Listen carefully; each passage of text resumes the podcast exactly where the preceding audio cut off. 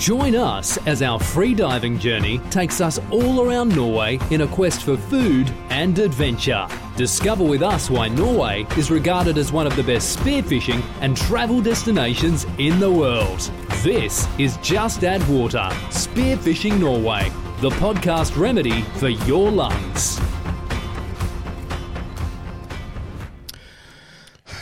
Godt nyttår, sier jeg bare. Eller, eller eh, til oss som snart er 50, grått nytt hår. Ja, men den tok du i fjor òg.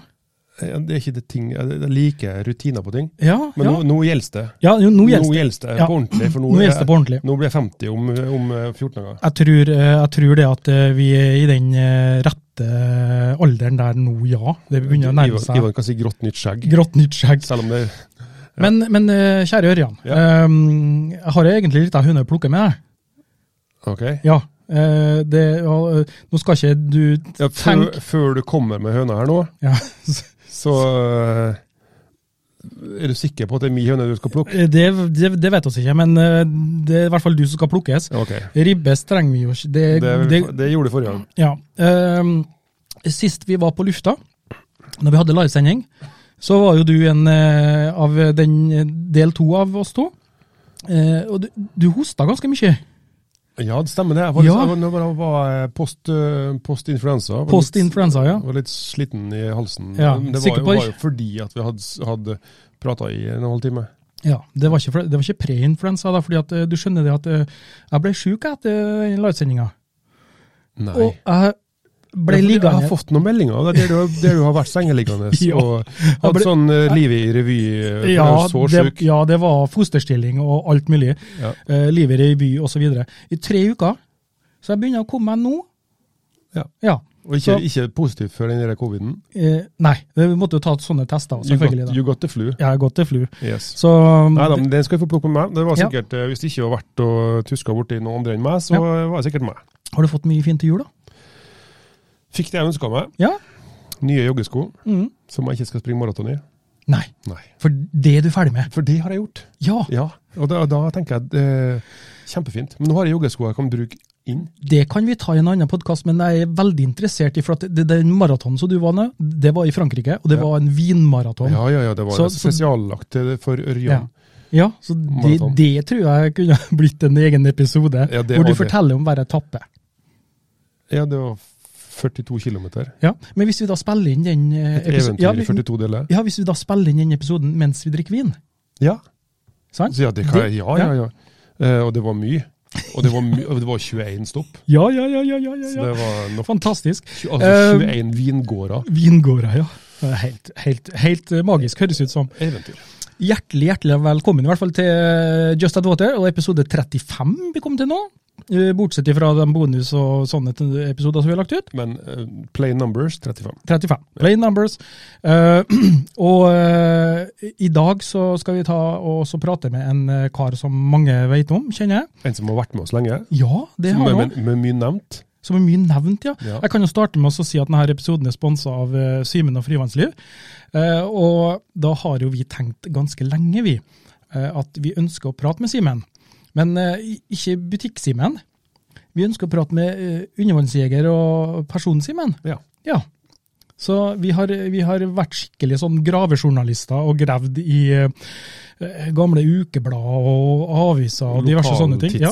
Ja, ja, ja, så vi har funnet mye graps, tror vi. Så eh, Mye morsomme ting. ja, så det blir bra. Eh, besøk oss på justadwater.no, der finner dere alle episodene, eller linker til episodene. Eh, der finner dere også linker til, til eh, hva det heter, Instagram. Instagram. Instagram. Ja. Eh, og også til vår Patron-side. Hvis du ønsker oss å støtte oss, så er jo det kjempeflott. Eh, Det setter vi pris på. ja, ja, ja, helt klart. Eh, eh, så jeg tenker det at eh, vi, vi kjører i gang, uh, kall det showet, Ja.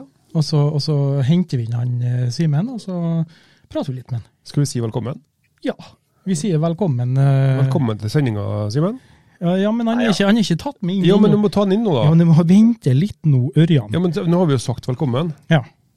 Men vi tar en liten sånn en først. You are listening to Just Add Water Spearfishing Norway. Der, vet du. Så vi skal begynne å krangle såpass tidlig i sendinga, Ivan. Ja. Veldig viktig. Er vi direkte inne fra Det kan- Australia? Kan bli spennende. Direkte inne fra Australia. Eh, Da, Simen, velkommen. velkommen til oss, Simen. Um, du er en travel mann? Ja, Ja.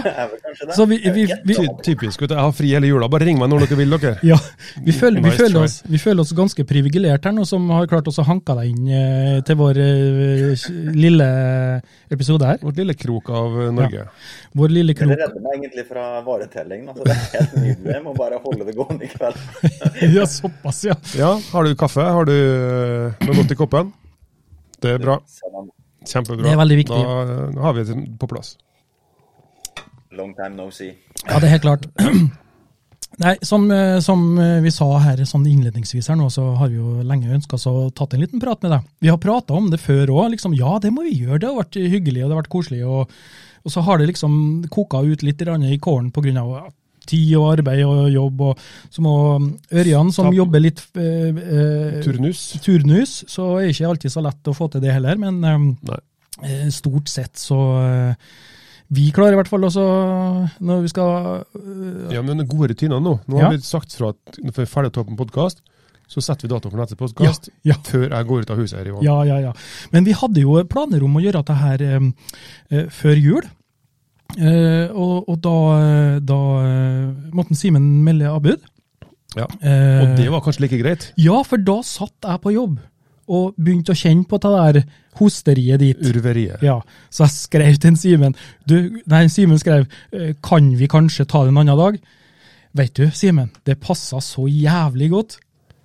Så Du aner ikke hvor godt det passer. ja. Nei, øh, velkommen til oss da, i hvert fall, Simen. Og vi er nå litt sånn nysgjerrige vi da, på, på øh, hvem, hvem, hvem er du? Hvem er Simen? Og det er mange, jeg har hørt fra mange, som er veldig nysgjerrig på dialekta di. Ja, jeg har vel til gode å møte noen som klarer å, å sette meg i kartet. Det nærmeste, eller det beste komplimentet jeg kanskje har fått, er at du høres ut som en som jobber i NRK. Ja, ja ikke sant? Ja da, og jeg sleit kronisk på videregående med at hver gang det var sånn der høytlesning på skolen, så glemte liksom både hele klassen og læreren at vi skulle gå på rundgang. For når det ble min tur, så var liksom noen som hadde bare skrudd på radioen, da. Så da Ja. Tok jeg resten, jeg, liksom. Jeg kommer med Simen Eventyrforteller. Ja, ja. Men eh, hvor jeg kommer fra, ja. Nei, eh, det er en liten, veldig liten øy som jeg flytta til når jeg var eh, fire år. Så heter Mjømna. Eh, og den øyen, den ligger eh, Jeg anbefaler folk nesten også å gå på et kart. Ja, og se. Ja, for det er jeg til å si noe. Hvor, hvor, hvor ligger vi hen, liksom? det, hvis, du, hvis du ser Sognefjorden, da, så har du Mjømna ligger helt, helt ytterst i Sognefjorden. Rett sør for Sognefjorden og rett nord for Fensfjorden. Så det er på en måte etter en av de vestligste øyene eh, i Norge. Eh, Fattelig flott liten øy med holmer og skjær og sund rundt på alle kanter. Og eh, virkelig fascinerende sted å flytte til. Det var på en måte en Altså når vi flytta dit, da, for å sette det på spissen, så flyttet vi fra Østlandet. Mine foreldre vi, de reiste dit. Pappa jobba i et forsikringsselskap.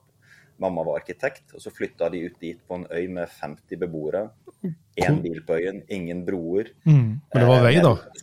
Ja, ja. Når jeg begynte på skolen, så begynte vi første til tiende klasse eh, Ja, på, f- sånn, f- i et klasserom, eller i gymsalen, som det da var, med én lærer. Så det var liksom helt sprø kontrast til sånn, eh, sånn det er nå, da. ja. Ja, for jeg har, jeg har googla meg fram til det. Det var sånn rundt 50, 50 innbyggere, eller noe sånt. Så alle kjente alle der. Men hvordan var det å vokse Ja, ja. opp eh, i forhold til på en sånn plass? Nei, det hadde jeg ikke bytta ut. Det var jo, jeg hadde jo en hel øy med masse som skjedde. og En av de tingene jeg er veldig glad i generelt, som helt fra barndommen og som jeg fortsatt liker, er å, å være sammen med andre som ikke bare er like gammel som en selv, har vært i akkurat det samme miljøet og på akkurat samme sted i livet som deg selv. Det, det blir kjedelig. Så det, det, det å på en måte kunne vokse opp i en på, på en, liten, en liten plass med hvor alle kjente alle, og det var ingen ut altså Det var jo ikke noe trafikk eller noe var Etter skolen så var det ute, og man var gjerne med noen som var ti år eldre eller fem år yngre og herja Mm. på lommelyktlek om kveldene og møtes ved skolehuset, liksom. Det, var, det føler jeg meg nesten, nesten privilegert til å få opplevd uten at jeg nå er 80 år gammel, sånn som veldig mange andre som eh, vil høre. Og Ja. sånn. ja, for det høres veldig sånn ut. Det er et veldig sånn eh, lite trygt eh, samfunn eh, hvor, du, hvor du er beskytta. Alle kjenner alle, og alle tar vare på alle, liksom. Ja, det var helt, helt glimrende. Det var klart selvfølgelig tider man skulle ønske at det var flere kanskje akkurat på din egen alder, da. men jeg hadde en god kamerat som var ett år eldre, og en som var fire år yngre. Og det er kjempegøy. Aldri holdt sammen gjennom hele oppveksten. og Så kom han på videregående, og da var det på en måte over et helt nytt miljø. og Ja, for da var du inn på fastlandet, liksom? Ja. Ja. Men når ble det, når ble det eh, fastlandsforbindelse der? Jeg er så elendig på å huske årstall. Jeg vet knapt når jeg selv har født eller bursdag. Men dere vet det sikkert. Dere som er så gode gravejournalister. Nei, nei, for jeg, har- har- har sjekka opp litt det der, der og så, så tenkte jeg egentlig at jeg skulle la spørsmålet over til deg. Om det var noe du huska at liksom, da- ble det 496 der omkring, kanskje? Ja. Det høres ut som eh, Men det som, jeg, det som jeg kom til å tenke på her nå, det var det du sa om lommelyktlek i mørket og sånn, så er der, det husker jeg drev ganske mye med sjøl. Og det var veldig spesielt, altså. Én hadde lommelykt, og resten skulle gjemme seg, da, og spesielt når det var mørkt. og Det, det er jo ikke så mye lys der, sant? Så det Nei, nei, nei, det var ett gatelys i bygdehuset, liksom. Det var Ja. det. epleslang. Men uh, en ting jeg, har vi ikke der ute. Blåser for mye her hos oss. Ja, det ok. kan man ikke drite i. En ting jeg kom til å tenke på-. Simen, er bare siden Tava er ytterst ute i, ute i fjorden, havgapet, var det her du fikk nærheten til havet inni? deg? Altså, Eh, det, på Mjømna. Ja. Nei, du har én øy vest for som heter Byrknesøy, som ligger på en måte ut mot eh, storhavet, om du vil. da. Ja. Så du ligger på en måte i den første øyen innenfor, med to, et strømsund som passerer på hver side. Mm. som du nå går over da. Så det er jo sånn mekka for fridykking og undervannsjakt der ute. Og i forhold til det så er det jo Det er egentlig helt ideelt, for du, du vet sikkert Ørjan, dere driver og jakter eller være i sjøen helt ute i åpent hav. Det er ikke alltid de beste plassene. Nei, det er ikke det. ut til kysten, litt inn igjen. Ja. Eh, der det er liksom rått og flott, men litt skjerma òg, da. Men det var mange eh, uff, Jeg har hatt så mange fine turer ut i de øyene med båt spesielt. Det var jo før jeg begynte med fridykk, jeg var mest der ute vest i havet, da. Ja, ja. Da var det fiske og båt og ut i helgene og fiske, og så hjem og kulene etterpå. Men, men når var det her eh, interessen for fridykking starta? Når Eh, jeg tror jeg var 17, 17 år. Da gikk jeg på, var begynt på videregående og har fått masse nye venner. Jeg er litt sånn eh, oversosialt anlagt, så jeg er veldig sånn ivrig etter å være med nye, og var det i hvert fall vel, veldig da. Eh, og da, da var det en av de kameratene mine som, eh, som plutselig viste meg et bilde på internett. Alle som har vært via nettkursene mine, har hørt den historien en million ganger, men var, jeg, jeg fikk se et bilde da, av en fyr som satt i fjæresteinene med en eller annen eh, stilig drakt på seg, og så en harpun og en stor fisk. Så, så har du sett det her, liksom? Jeg skal på kurs med han her, han bor inne i Knarvik, rett inni her, liksom. Ja, hva faen er det? Eller hva Hæ? Det, det så gøy ut. Og så i løpet av den helgen så hadde jeg kjøpt utstyr til meg og hadde dratt med meg to kamerater til, og så var vi i gang. Og det var liksom ingen vei tilbake, da. Men eh, for meg, det der Jeg er veldig glad i sjø og båtliv. Men jeg er også veldig sånn rastløs person, da. Veldig sånn utålmodig. og jeg har prøvd meg på sånn ørretfiske og laksefiske. Jeg får bare lyst til å knuse de der stengene til trasker eller til pinneved. for Jeg vil ha fisk nå! Ja. Det er så mye tålmodighet. Og, så det der med å komme seg i sjøen og liksom bare ha noe som tar hele kroppen og av gårde kåret ut, det, Ja, det traff meg. og så har du den derre derre, mm, i forskjellen til når du står og fisker, hvor du, um, hvor du gjør et stykke arbeid og kaster og drar inn snøret og sånn, og så når du er i sjøen, og så har du liksom hele totale, ikke bare følelsen, men også synet og hørsel rundt hver en tarestrikk, bak den steinen, rundt det nesset, hele tida bang, bang, bang, bang, nye opplevelser. Det fanger på en måte hele oppmerksomheten min hele veien, da, og det syns jeg er utrolig befriende. Altså, Alt annet jeg holder på med over vann, det er liksom da hodet mitt veldig fort av gårde på andre steder. Et eller annet som skal planlegges, et eller annet som skjer, eller et eller annet jeg er utålmodig, eller et eller annet sånt. Men eh, når jeg kommer i det, liksom Kommer ned i vannet, da er det bare av. Og så er det helt eh, Da er det lommelykkeleken igjen også. Det er som en, som en god kompis av meg sa, det er ikke dekning under vann. Nei, det er ikke dekning under vann. Det er sant. nei, det er fint. Det er jo litt, sånn, det er jo litt sånn, sånne følelser vi sitter igjen med òg når vi øh, ivrig og skal komme ut i sjøen. Ja. Og når du da Men- hopper uti, så men- er det den der Ivan, årsaken til at jeg ikke vil se så mye på deg nå, mm. er for at da ser kameraet altså Når jeg sitter på den sida her, når det skal se, så ser jeg ut til venstre. Ja, Så ser jeg bort fra. det gjør du. Det, det, det, Jeg ser, jeg ser at jeg og du skal bytte plass egentlig på det skulle egentlig det. Bare, for, bare, midten, bare når folk eh, Det var litt, litt off the record, men eh, Ja, ja. Det er første gang jeg har hørt han Ørjan og snakka litt sånn eh, teknikk og sånn, så der, så nå ble jeg litt sånn satt, jeg hva andre, satt, andre satt ut. Ja, ja, ja. Men hva, nå har vi kommet inn på liksom, det som fascinerer deg, altså, det altså at fridykking oppsluker deg. Um, I forhold til jakt, da. Hvordan, hvordan, hva som fascinerer deg med jakta? Hva, hva er dine altså, motivasjon, moralske altså alt det her?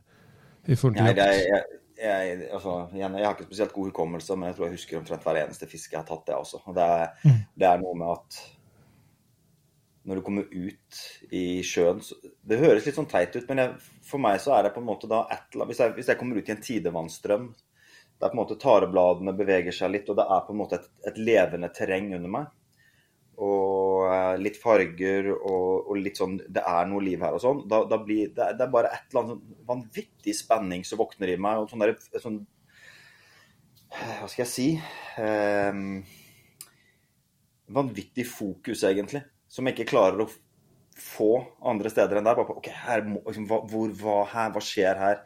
Hva er det som beveger seg? Hva lever nedi her? Hvordan skal jeg bevege meg her? Hvor kan jeg finne noe her? Og, og, det, det får jeg på en måte fortsatt. da. Og etter hvert som man da begynner å, begynte å, å mestre den der fridykkingen I starten var det mye rot. sant? Når jeg begynte, så var det jo ingen som kunne lære oss noe som helst. Sant? Det var jo helt Ole Brumm det der vi holdt på med de første fem årene. Men, men nei, det er den der spenningen om at her kan det være noe. Sant? Og den der iboende begeistringen for, for fisk. Og jeg er veldig glad i flott fisk. da, sånn Igjen, det er mange som tenker at det er troféjakt. Det er ikke det. Men det, der, det er et eller annet, jeg får et eller annet sug i meg når jeg ser en litt større fisk som er litt sånn Oi, se på den! Liksom. Ja. Yes. Og, og spenningen etter å bare se den, og når du ser den OK, hva gjør jeg nå, liksom? Hva, hvordan Altså, da har du den der det? Nei, det jeg vet, Nå husker jeg ikke hva dere spurte om engang. Jeg jeg syns ikke det, noe av det du har sagt er teit. For det, er sånne, Ja, for det, det, det- det du beskriver her, det er egentlig litt sånn som jeg føler òg, faktisk. Det er litt av, litt av uh, utfordringa med, med undervannsjakt. Det er jo den selvmotsiggenheten med at du skal være en jeger og høst og uh, og komme deg inn på bytte for å få, for å få skutt det, og samtidig er, eh, er engasjert, ivrig, spent, adrenalin, puls Alle disse her faktorene her som spiller inn, eh, som, som tar deg imot deg. da. Så er jeg noen en enkel apekatt, jeg òg, da. Så når jeg kommer på land igjen og har med meg noe fisk eller noe jeg har tatt livet av og skal spise, så jeg har jeg en eller annen merkelig tilfredshet i kroppen, jeg også. Det er et eller annet behov som er blitt dekka. Det er noe med saligheten. jeg, jeg deler jo veldig mye av det jeg får med andre òg. Jeg, jeg tipper jeg har omtrent halvparten av alt jeg tar opp fra sjøen, går til egen hjem, og så resten, resten gir jeg til gode naboer og venner på jobb. Og i dag var nattdykka i går, sånn, så nå fikk jeg delt flott nyfilert fisk som vi fileterte her og til kollegaen min Ørjan. Han står forresten og banker på døra. List deg forbi, du. Du må hilse Du får hilse til navnebror. Du får hilse til navnebror. Ja, det var han dere syntes var så kjekk i ekodrakten, vet du. Ja. Ja, ja, ja, ja. ja. ja.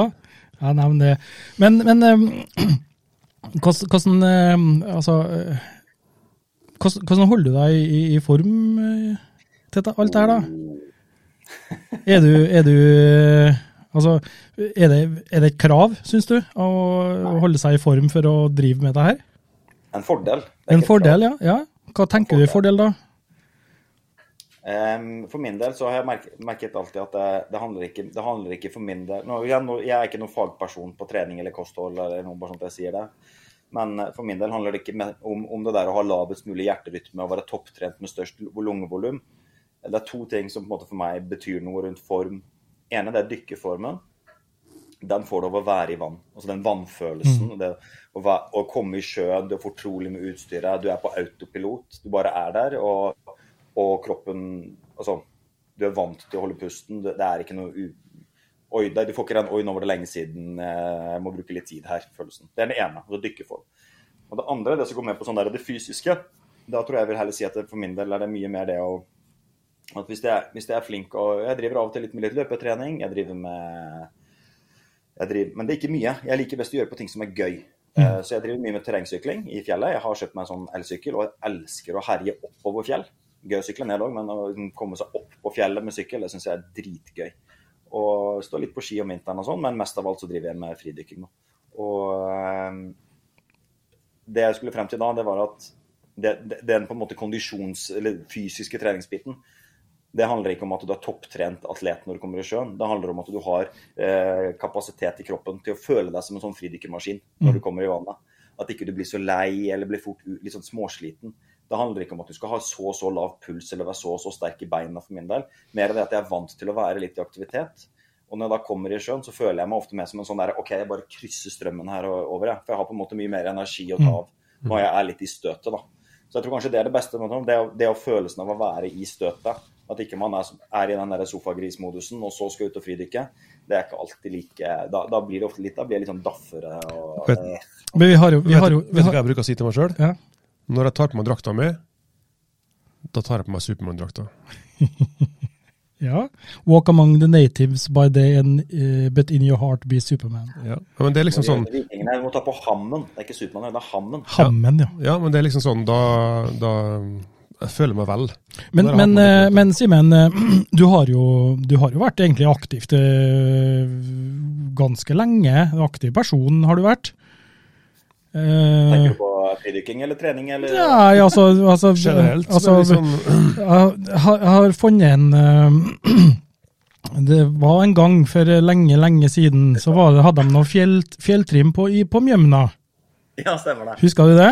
91-92 ja. i, i klassen 7-14 år. Det kan hende, det. Ja, da, da, vet du, da var han, uh, Simen med. Um, det som er litt uh, artig her, da, det er det at uh, det var ei bygd med bare 50 innbyggere. Det sto så fint. Jeg var eneste i min klasse. ja, det, det, det, sto, det sto så fint da, vet du. Eh, bygd med bare 50 innbyggere, så var det 78 forskjellige personer som deltok. Mm. Pluss en hund og en katt. Ja, ja. ja. Så, Skal ikke ekskludere noen. Nei, ikke sant? Så det, det, var litt sånn Tommy, det var hunden? Ja, det, det, det sto ikke noe navn der, da. Ah, okay. Uh, men så, så du, du, har nå liksom vært ute uh, Eh, og ut i fri natur og Ja, jeg har det, men jeg, jeg, tror jeg, jeg, tror ikke jeg vil si også tror, tror, Det er lett kanskje fra utsiden å se meg, siden jeg har noe mye på bilder og gjør litt ut av meg på, mm. Med videoer og bilder og sånt der er ute. da. Men eh, jeg tror jeg er like mye sofagris jeg som alle andre som føler seg som sofagris. Jeg kan ha månedsvis ved jeg bare ligge på sofaen og kose meg og spise sjokolade og og ha ost og vinkveld med ostepop, liksom. Det, det, jeg jeg syns det er topp òg, jeg også. Så, så jeg, jeg, har perioder der jeg er veldig aktiv, men akkurat nå, nå skal, jeg skal si én ting. Det er et forskjell fra før jeg fikk barn. Da var jeg ikke flink å trene, for da var jeg bare ute og dykka. Dykke, dykke, dykke, dykke. dykke. Våkne, jobbe, dykke. Våkne, ring ringe inn syk på jobben, eh, dykke. Det var liksom, I ungdommen kunne det være litt sånn. Men så fikk jeg barn, og da vet jo alle hvordan det er. sant? Da er det jo, Du tror du skal få gjøre noe, men ingenting går. Men så har barna blitt voksen, liksom ikke voksen, de er blitt uh, mer, mer selvstendige. Plutselig er de selvstendige. Og plutselig så merker jeg at OK, når du har små barn, så merker du jo hva ressurser du egentlig har. Det vet du jo ikke før du har fått barn. Ja. Så når de ressursene ikke går til barna lenger, så merker jeg nå at OK, da er det dykking og sykling og fjell og løping og kjøre på, altså. Og det syns jeg er jækla gøy, da. Det er sånn eh, livets gang. Mm. Det er, det. det er en periode av livet hvor det er småbarn som har fokus, og så er det en periode av livet etterpå som ja. du får uh, mer tid til å gjøre det du har lyst til. Igjen. Helt klart. Og det er bra. Men jeg liker eventyr. Det er ikke nødvendigvis det at jeg liker å trene, men jeg, jeg, jeg liker følelsen av Jeg må alltid ha noe å se frem til. Jeg tror det er litt av det som gjør at jeg klarer å, å holde meg litt i gang òg, da. At uh, idet jeg er ferdig med et eller annet jeg har gjort, så, så, så, gleder jeg meg liksom alltid til hva er det neste jeg skal, og begynner liksom å avtale med noen eller et eller annet. Sant? Hva er det neste hva er det neste jeg har å glede meg til? Og så driver jeg og chatter med de jeg skal ut med. og Det, det syns jeg er utrolig gøy. Da. Fin måte å holde kontakt med gode venner på, og planlegge og drømme seg litt vekk. og det det. Veldig sånn fre, Se veldig sånn fremover hele tiden etter liksom, den, neste, den neste opplevelsen eller den neste turen eller det neste et eller annet. Ja. Apropos opplevelser. Har du noen opplevelser som sitter fremmest fremmerst i barken? Og mange. Spørs litt hva. Plukk to. To. Plukk to. Ok. Jeg, jeg, dere nevnte jo at jeg skulle få det spørsmålet. Så, så hvis du skal zoome det ned på sånne enkeltopplevelser, så tenker jeg um, tenker jeg uh, Den opplevelsen jeg hadde når jeg fikk den første kveiten min i Saltstraumen det var på en måte helt fra og det, det er litt sånn klisjé. Oh, første kveite, sikkert troféfisk, bla, bla, bla. Men har, jeg har lett etter kveite siden jeg var 18 år. Jeg blir 40 år. Jeg har lett etter kveite. Og jeg har hatt, egentlig hatt mest lyst til å finne den lokalt her jeg bor, mm. for det er utrolig vanskelig. Det vil kreve vanvittig mye, for den går dypt her, og den ligger på marebakk, altså marebunn. Mm. Svart bunn. du finner den faen ikke, sant. Nei. Eh, så var jo vi i Saltstrømmen en hel gjeng først, for en god del år siden, og lagde den der eh, YouTube, eh, den Hiten. eh, Undervannsjegerens paradis Ja. på YouTube. Og eh, får en opplevelse, liksom, og fikk se alt det der livet og og? Men jeg fikk jo ikke noen, fant jo ingen kveite, da. Og så dro vi hjem igjen, og det var en fantastisk tur. Og et par år etterpå så dro noen av oss opp igjen for en ny runde. og da satt vi jo på flyet, og det var jeg og Mikael og Jan og Roy tror jeg satt sammen. Eh, og Mikael har jo delt veldig, sant? han var jo godt kjent der oppe før, og sånn og sånn, men han hadde med seg en liten ting som han hadde tenkt skulle liksom til den som fikk storkveita den gangen. da, sant? Skulle få en liten ting av han. Men så sier eh, på flyet at, at jeg, jeg hadde en sånn greie, da, at jeg hadde lyst på en kveite på 20 kilo. Ja. Tenkte jeg, det, liksom, Hvor flott er ikke en kveite på 20 kilo? Da kan du fange den selv, det er ikke noe hassle. De flotte filetene, den flotte fisken du kan håndtere, men fortsatt en, liksom en sånn, i min hode en veldig majestetisk, flott fisk. Og, og det er jo en stor fisk. Altså kveite på 20 kilo, det er en stor fisk. Men liksom det er mange som tenker wow, tenk å ta en kveite på 180 kilo, sant? og så holde på med alt det innebærer. Sånn. Okay. Det, det delte jeg med han da, Ja. på, eh, på flyet på vei opp. Og så eh, på dag tre så eh, var jeg heldig og kom det, jeg lå midt i strømmen der og egentlig var på jakt etter stortorsk. Så kommer det liksom en, En en svømmende. liten sak langs tarebunnen, og jeg bare klarte å få han. da. Ja. Og vi fikk han i båten, og jeg var jo så glad, vet du. Og så opp med vekta, og 19,9. eh, og da, og jeg pleier ikke å gå med smykker, men da fikk jeg den her av Mikael, så han, den hadde han hatt med seg opp. Det er et, eh, et bein da, som han har pusset for hånd til å bli en sånn Polert. da. Så, Da ble jeg veldig glad, for det var tenk så mye arbeid han har lagt i den, og at han ville liksom gi den til meg. Så den, den bruker jeg egentlig ikke, for jeg er litt redd for å miste den, for det ble på en måte Jeg var så jækla glad den dagen der. ja. Ja, ja, ja. At um, en del av de liksom lei meg jeg tenker på det. det. Sitter, alle de følelsene jeg hadde da, de sitter litt, når jeg, når jeg kjenner på den her, så kommer det liksom litt tilbake. nå. Med sånn ekte opphengs, kveiteopphengsknute på. Ja, ja, ja. Og, og, og, og hamptau. ja, men det er noe med det å, noe med det å kunne altså lengte etter en opplevelse, lengte etter en fangst, og så, og så uh, gjøre sitt, selvfølgelig både lokalt, og så dra til Saltstrømmen en gang, og så en gang til, for så å få den. Det er noe med det- Ja, det, og det er liksom ene siden av det. Men den andre halvparten som virkelig gjør det verdifullt, da, det er at liksom de mine beste venner var der, og de omfavna det på mine vegne, på en måte. da. Altså det var det, det, det, var ikke alene om det heller. Nei. Det er for min del er faktisk et stort poeng. Jeg kan føle veldig mye glede av å få en fisk hvis jeg hadde vært alene og sånt, men, men det at, de, at alle sitter liksom og wow, gratulerer og fy søren så bra, og fortell, og nå skal vi hjem og spise den, og det ble liksom bare en sånn wow. Det ble en sånn opphøyd i, opphøyd i annen opplevelse. ja, jeg kjenner Det var bare én, jeg har sikkert ikke tid til flere opplevelser nå. Ja, vi, det som jeg sa til Ivan, vi har en, eh, vi har en, eh, en, gjeng, en gjeng punkter her nå, så kommer vi gjennom halvparten, og så er sendinga ferdig. Jeg har ikke tid til mer. Ja, ja, ja, helt klart. Det bruker å være sånn. Men jeg, jeg, kjenner, jeg, sitter, jeg sitter her og kjenner, når du forteller noe spesielt, altså det, det, det flotte, flotte smykket, noe som du liksom har ifra den hendelsen òg. Det er sånn som sitter igjen, og som du sa nå, når du liksom satt og tok borti den og holdt, så får du litt sånn god følelse fra, fra det, da. Ja. Så eh, det, det er jo egentlig ganske magisk når vi kan eh, dele med andre akkurat det der der.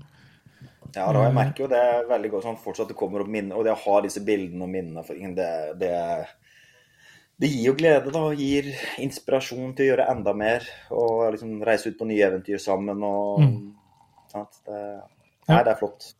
Eventyr, er- eventyr er ganske, ganske viktig å få med seg. Jeg har eh, sånn personlig I forhold til dette med eventyr, så er liksom det du sitter igjen og husker. Det, det, ikke, det, det trenger ikke nødvendigvis å være jakt under vann og alt sånt der, men altså, det er ting som du skaper med, med venner og familie. Ja. Det er Ja, det, det altså. er veldig viktig å ikke, ikke Jeg har gått i den fellen litt når jeg var litt yngre, at jeg fikk et litt sånn der gjennomføringsrytme på fridykkingen min. da. Og hvis man, Jeg har vært litt yngre og latt meg liksom tenke, sette opp til andre undervannsjegere og tenkt at tenk, tenk om jeg en dag blir så flink. Så det er viktig at jeg viser frem fine bilder av fisken min og prøver å, og liksom vise at jeg òg er i dette miljøet her. og og Da merka jeg en periode at det sklei mer over i sånn gjennomføringsdykking. Da, og da merka jeg veldig fort at jeg plutselig mista motivasjonen. Så var det først en stund etterpå at jeg skjønte hva egentlig som skjedde. liksom. Nei, det var kanskje det med at at du var bare ute og gjennomførte dykketurene dine. da. Eh, For å se om du klarte å bevise et eller annet eller noe. Det, heldigvis sporet jeg veldig raskt av det og klarte liksom er forstå hva som skjedde i topplokket. Da. Og derfor prøver jeg i hvert fall så godt jeg kan og, i på kurs og i forum og sånn, ta veldig til orde for det der med å, å, nyte, å bruke ordet eventyr. Da, være på eventyr og ikke rangere mellom seg og ikke konkurrere med største fiskere og sånn. Heller bare liksom dyrke, dyrke det man holder på med i et større fellesskap. Menigheten. Ja, ja, ja, ja. Nei, men det er det også, det, og det som du sa til slutt, er i forhold til å dele, opp, dele opplevelser med, med andre, det er nok noe av de beste opplevelsene jeg har hatt. Mm. Eh, Nå har jeg to Nå skal det sånn sies at jeg var på opplevelse med den gamle grinebiterklubben din, Ørjan. Det er ikke en av de beste opplevelsene jeg har hatt. Ja, men det er jo Det var artig at du sa, for det er jo gjengjeldt. Nei da. Men, Ja, eh, nei, men det, altså, det, er, det er en av de beste opplevelsene, det å dele med andre. Mm. Det er kjempeviktig. Han, er, han Simen er bare sur for at han ikke får lov til å være med oss mer. vet du. Jeg skjønner, jeg skjønner jo det. det er. Ja, jeg forstår jo det. Men Så, eh, men så, sånn, sånn, sånn er det bare. En liten eh, kjapp digresjon da, i forhold til eventyr. Uh, vet du hva jeg skal uh, i sommer? Eh, jeg starter ferien min eh, med å reise til Tønsberg. Da må det være noe musikk i. Ja, uh, Av alle ting så kommer den uh, utgamle gruppa Kiss til Tønsberg. Er Tønsberg. Til Tønsberg. Ut av alle byer i Norge verden, Ja, liksom. eh, og så jeg starter med det. Det er, da, det er jo da på en, eh, på en eh, lørdag eh, i Tønsberg. Eh, så jeg reiser nedover på fredag, eh, og så har vi, får vi med oss Kiss. Og så eh, rett etter det så bare kjører vi ned til Gardermoen, og så hopper vi på flyet til Roma. Og da skal jeg på Muse. Åh, Ja. bli Men, med? men så det som var greia, da, det var at vi bestemte oss følgende nå. Da pakker vi en liten ryggsekk, og så bare ser vi hva vi finner på. Ja, No more. Ja. Det Så, så enkelt. ja. Så det er fint, da. Ja, så det er sånn eh, I hvert fall de opplevelsene som sitter mest u- u- det som vi gjør i fridykking og jakt og sånn, det er sånne sånn litt sånn adhoc eh, Bare Nei, vi, vi bare Drar vi. Ja. Så um, Nei, det, det er i hvert fall um, Men hvis, hvis du kunne velge, da, Simen. Hvis, du- hvis du liksom nå kunne fått, fått et valg, hvor hen kunne du gjerne tenkt deg å reise for å jakte? Har du Eh, noe ja. Ja, da hadde jeg dratt tilbake til et av de stedene hvor jeg virkelig fikk mine første, første sånn der overbegeistring for hvordan eh, det var å jakte på en god, god, god plass.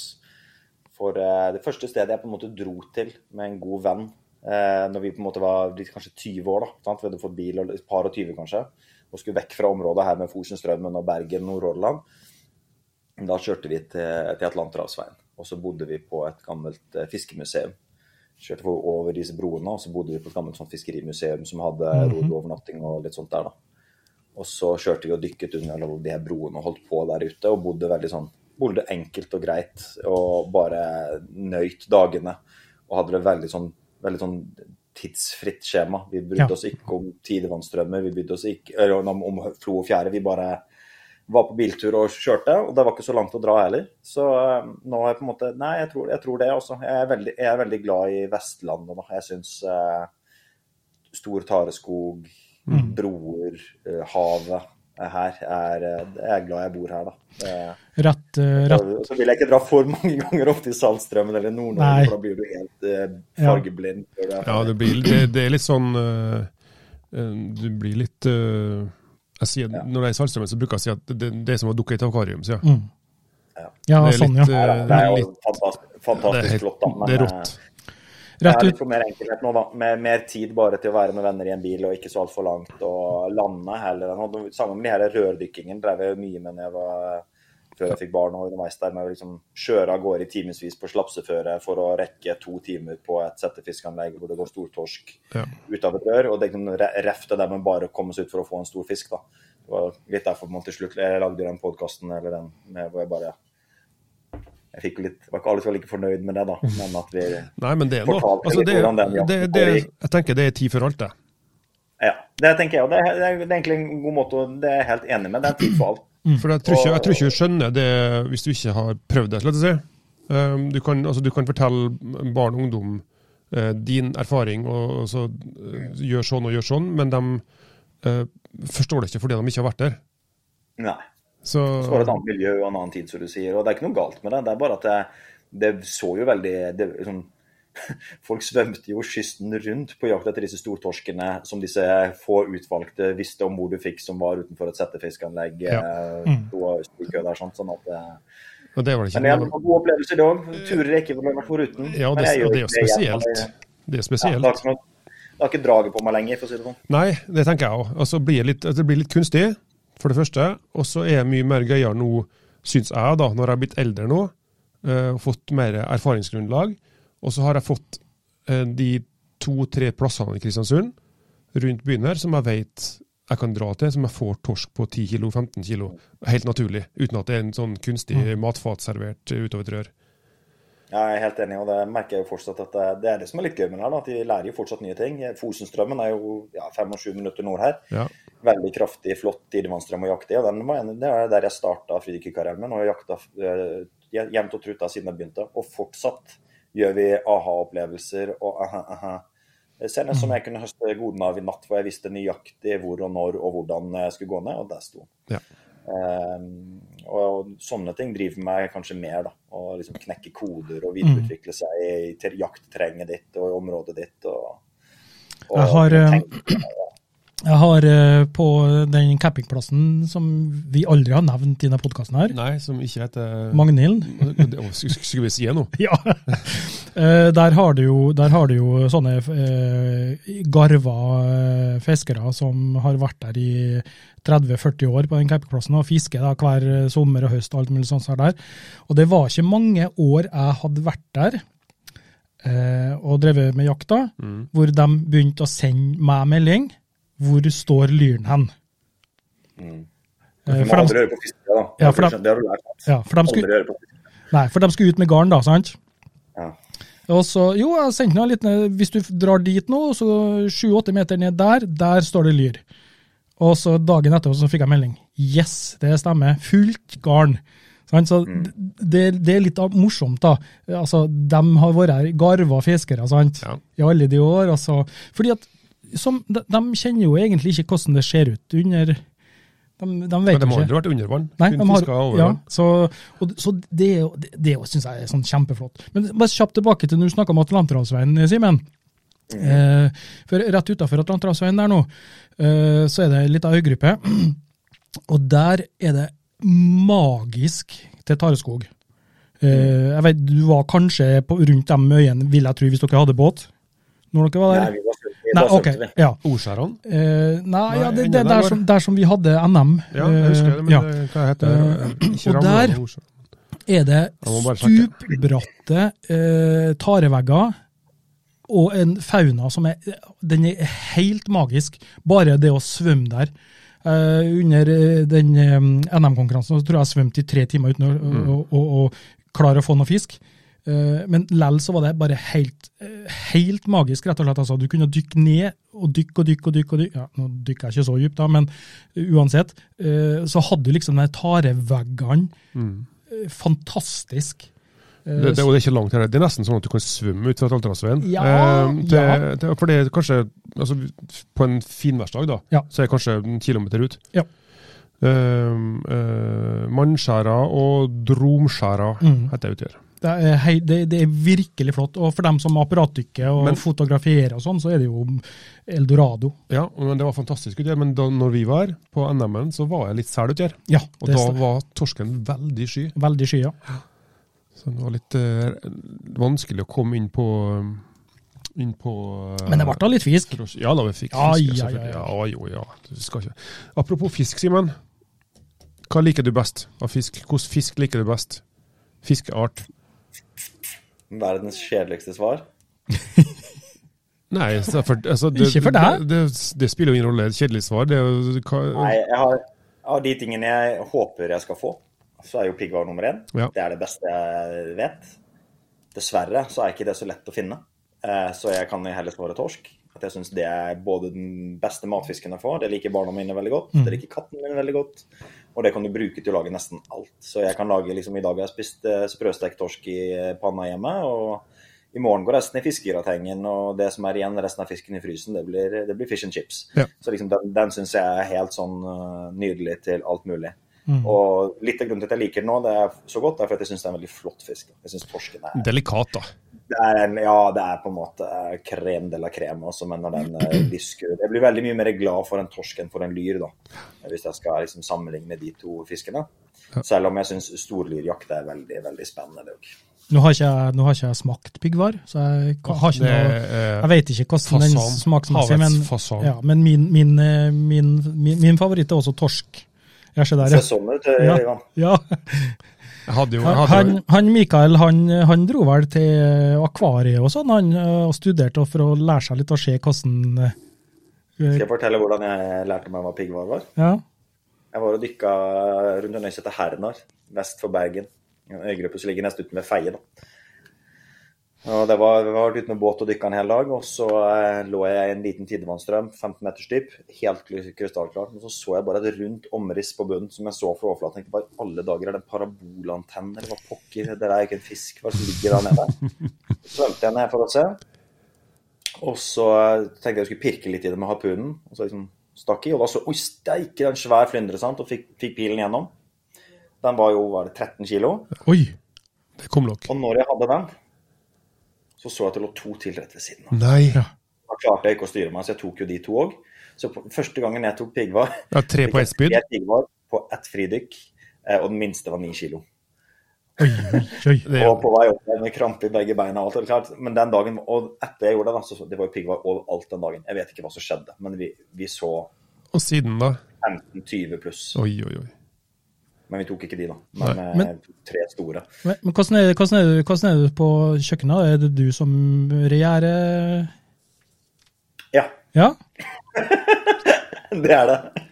Der regjerer jeg. ja, det er du som Nei, tilbereder Jeg, jeg, jeg, jeg lager mye mat.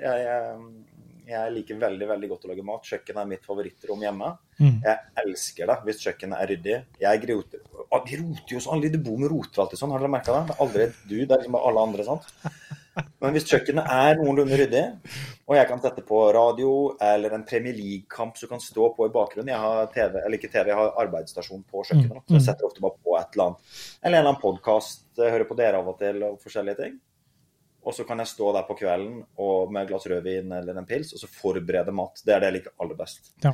Sånn at jeg, nå, I går forberedte jeg mat, og i foregårs Jeg har jo akkurat eh, Jeg har en kamerat som driver med hjortejakt òg, så nå har vi akkurat fått laga masse kjøttdeig av det. og så foregårs sto jeg på kjøkkenet og lagde hjorteburgere og, og blanda og holdt på og fryste ned og styrte på. Og så neste dag er det burgerfest. Men jeg har et prinsipp, da. Du må aldri Eller jeg klarer aldri å spise eh, kjøtt som jeg på en måte har eh, jobbet med samme dag. Nei. Hvis, jeg, så hvis, jeg, hvis når jeg har vært i sjøen og dykka, eller på dykketurer og sånn, så er jeg veldig sånn, da er jeg jækla fysen på en god burger eller noe pasta Ja. eller pizza når jeg er på dykketurer. Ja. Eh, Fordi at det, det er et eller annet med jeg har vært i sjøen hele dagen, og så har du sløyd fisken, og så har du renset og filetert den, at, at eh, når jeg er ferdig på en måte å konservere maten, eller gjort den klart i, i fin uh, tilberedingsfasong, om det går an å si, så trenger jeg et døgn på meg. Så tar jeg den frem, for da er jeg på en måte i Da skal maten lages, da. Mm. Det, må, ha- det, det kan ikke skje i samme rekkefølge. Da, da har jeg bare ikke appetitt på Jeg tror det er litt det samme som kjøkken De som jobber på kjøkken, sier òg at å- lyst på biff hvis du står og skjærer og steker biff hele dagen. Og sånn har jeg det med alt fra sjøen òg, at jeg må ha neste dag. Men det, Eller ha en god pause mellom. men det er noe med modningstid, vet du, har du hørt det? Ja, jeg tror ikke du er ferdig modna. Nei, jeg, tenker, jeg, tenker på, jeg tenker på både kjøtt og fisk òg. Det er mange som ikke Ja. tenker på det. Altså at uh, Nei, det er sånn med meg så er det jo sånn at høyt, høyt henger de og surrer de. Så Nei jeg vet, jeg bare tuller. Ja, men det er lov. Det, Ja, men det er faktisk øh, altså, øh, Gjennom fattern har lært meg det at øh, det er lurt å ha Hvis du har breiflabb eller fiskefilet, legg, legg dem i kjøleskapet et døgn, så får du mer konsistens og mer, mer smak på dem. Ja da, og jeg legger alltid alltid litt salt på kjøtt, fiskekjøttet òg jeg dagen før jeg steker det. Det har jeg lært av en kollega her. Litt, trenger ikke å salte, liksom, Du skal ikke bli lett salta, på en måte, men litt tørk filetene, litt salt oppå. Hvis du skal steke det neste dag, da får du det veldig sånn fast og fint. Ja. Og da klarte jeg for første gang å steke en torskefilet i smør i pannen. Og få den crispy på undersiden uten at hele greia ble sånn der traspa plukkfisk. Ja, Det var, ja, for det er lett. Det. Det er, det er litt skills. Ikke helt ja. det samme, da, men vi skal jo ha vi skal jo ha, arrangere Winter Challenge igjen nå, eh, og det skjer nå om 14 dager. Ja. Eh, og da, Det er fra torsdag til, til søndag, sånn sett, da, og da går vi jo sammen og skal lage mat og alt mulig sånn som det er der. Og da har vi folk fra England, Danmark, eh, Norge, Tyskland. Tyskland.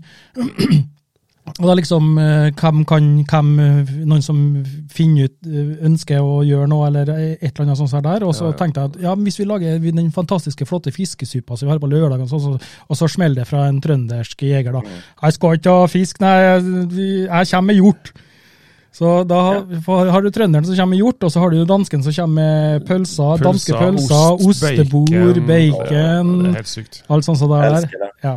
Og skal det sånn sies, det er helt, jeg, altså På denne fridykkerfestivalen som vi arrangerer av og til, så er det helt fantastisk med at vi lager sånne fiskesupper og sånne ting. For det, det, er, det er litt annerledes, da. Og da er det gjerne noen som står og lager det, og så kommer du, og så er det bare noen som har varm suppe i en skål til deg. Men da har ikke du stått og knust de krabbene Ja. og kokt den kraften. Og, og, sant? og eh, Samme på festivalen, når vi kommer til sjømatbordet på søndagen med kreps og, eh, og reker og sånn. Det blir noe litt annet igjen, da. Det er, med- det, er med, det er noe med det der å være i sjøen i timevis, så sløye fisken, så rense den og grisle. Så kommer du deg i dusjen og får liksom gjort deg klar. Da, da, da har ikke jeg helt appetitten på fiskefileten helt ennå. Nei. Eh, Ivan, mm. den dykkerlykta di, ja. hvordan gikk det med den? Nei, den, den, den er død. Den er død. Ja. Så du, du mener at du har litt, litt dårlig utstyrsorden? Måtte Hva, Hør med Simen, da. Jeg forteller deg hva jeg gjorde med mine. Hvis Ja. det skal være springbrettet ditt til hvordan Ja, jeg ja, tok utstyret mitt. Ja. Vet du hva jeg gjorde på forrige dykketur? Nei. Jeg tenkte jeg skulle ta med Jeg har jo alltid med meg en sånn liten eh, Ja, vi sitter i ro, og akkurat, ja, nå, akkurat nå så har eh, Simen eh, gått ut av bildet. ja, han er på do. En liten ja. waterbag. Ja. en liten pose, så jeg har med meg ut. For dette, den bruker jeg til overflatemarkør når jeg er i sjøen. Mhm. Ja, da ruller jeg den sammen, og så har jeg en liten lykt oppi, og så henger den i bøyen, for da har du en stor glødende ball. Ja. Veldig, er veldig fint pragmatikk, for du har et referansepunkt i overflaten, så du kan se avstand til overflaten. Og så er det mye lettere å, For Buddy, ja. å Sorry, å danse i vinduet. Uh, ja, et eller annet. Ja, det er mye fall- lettere for Buddy å se av. Riktig. Ja. En sånn blinkelys. Og Er båter. og- 40 meter, eller er det 2000 meter borti det blinkelyset der? Det er umulig å si. Nei. Men jeg tenkte jeg skulle ha med meg reservebatterier oppi denne til lyktene mine. Ja. Og jeg tenkte det gikk helt fint å åpne den når jeg var i sjøen, og ta ut av andre ting, sånn som en Snickers og en Cola. Så når jeg kom på land igjen, så var det jo bare et nydelig sånne batterisyrebad, hele greia. Oi. Og det er dagens tips, det er å ikke ha ekstra batterier oppi ting eller poser og tenkt å åpne når du er ute i vannet med ja, men jeg tror, jeg tror det har gått fint med en Snickers og Cola. Ja, men det er ikke Så fint. Ja. Og alle backup-lyktene mine. Jeg har alltid med meg to-tre ekstra lykter oppi den Ja. når jeg er ute. Og en sånn. Ja.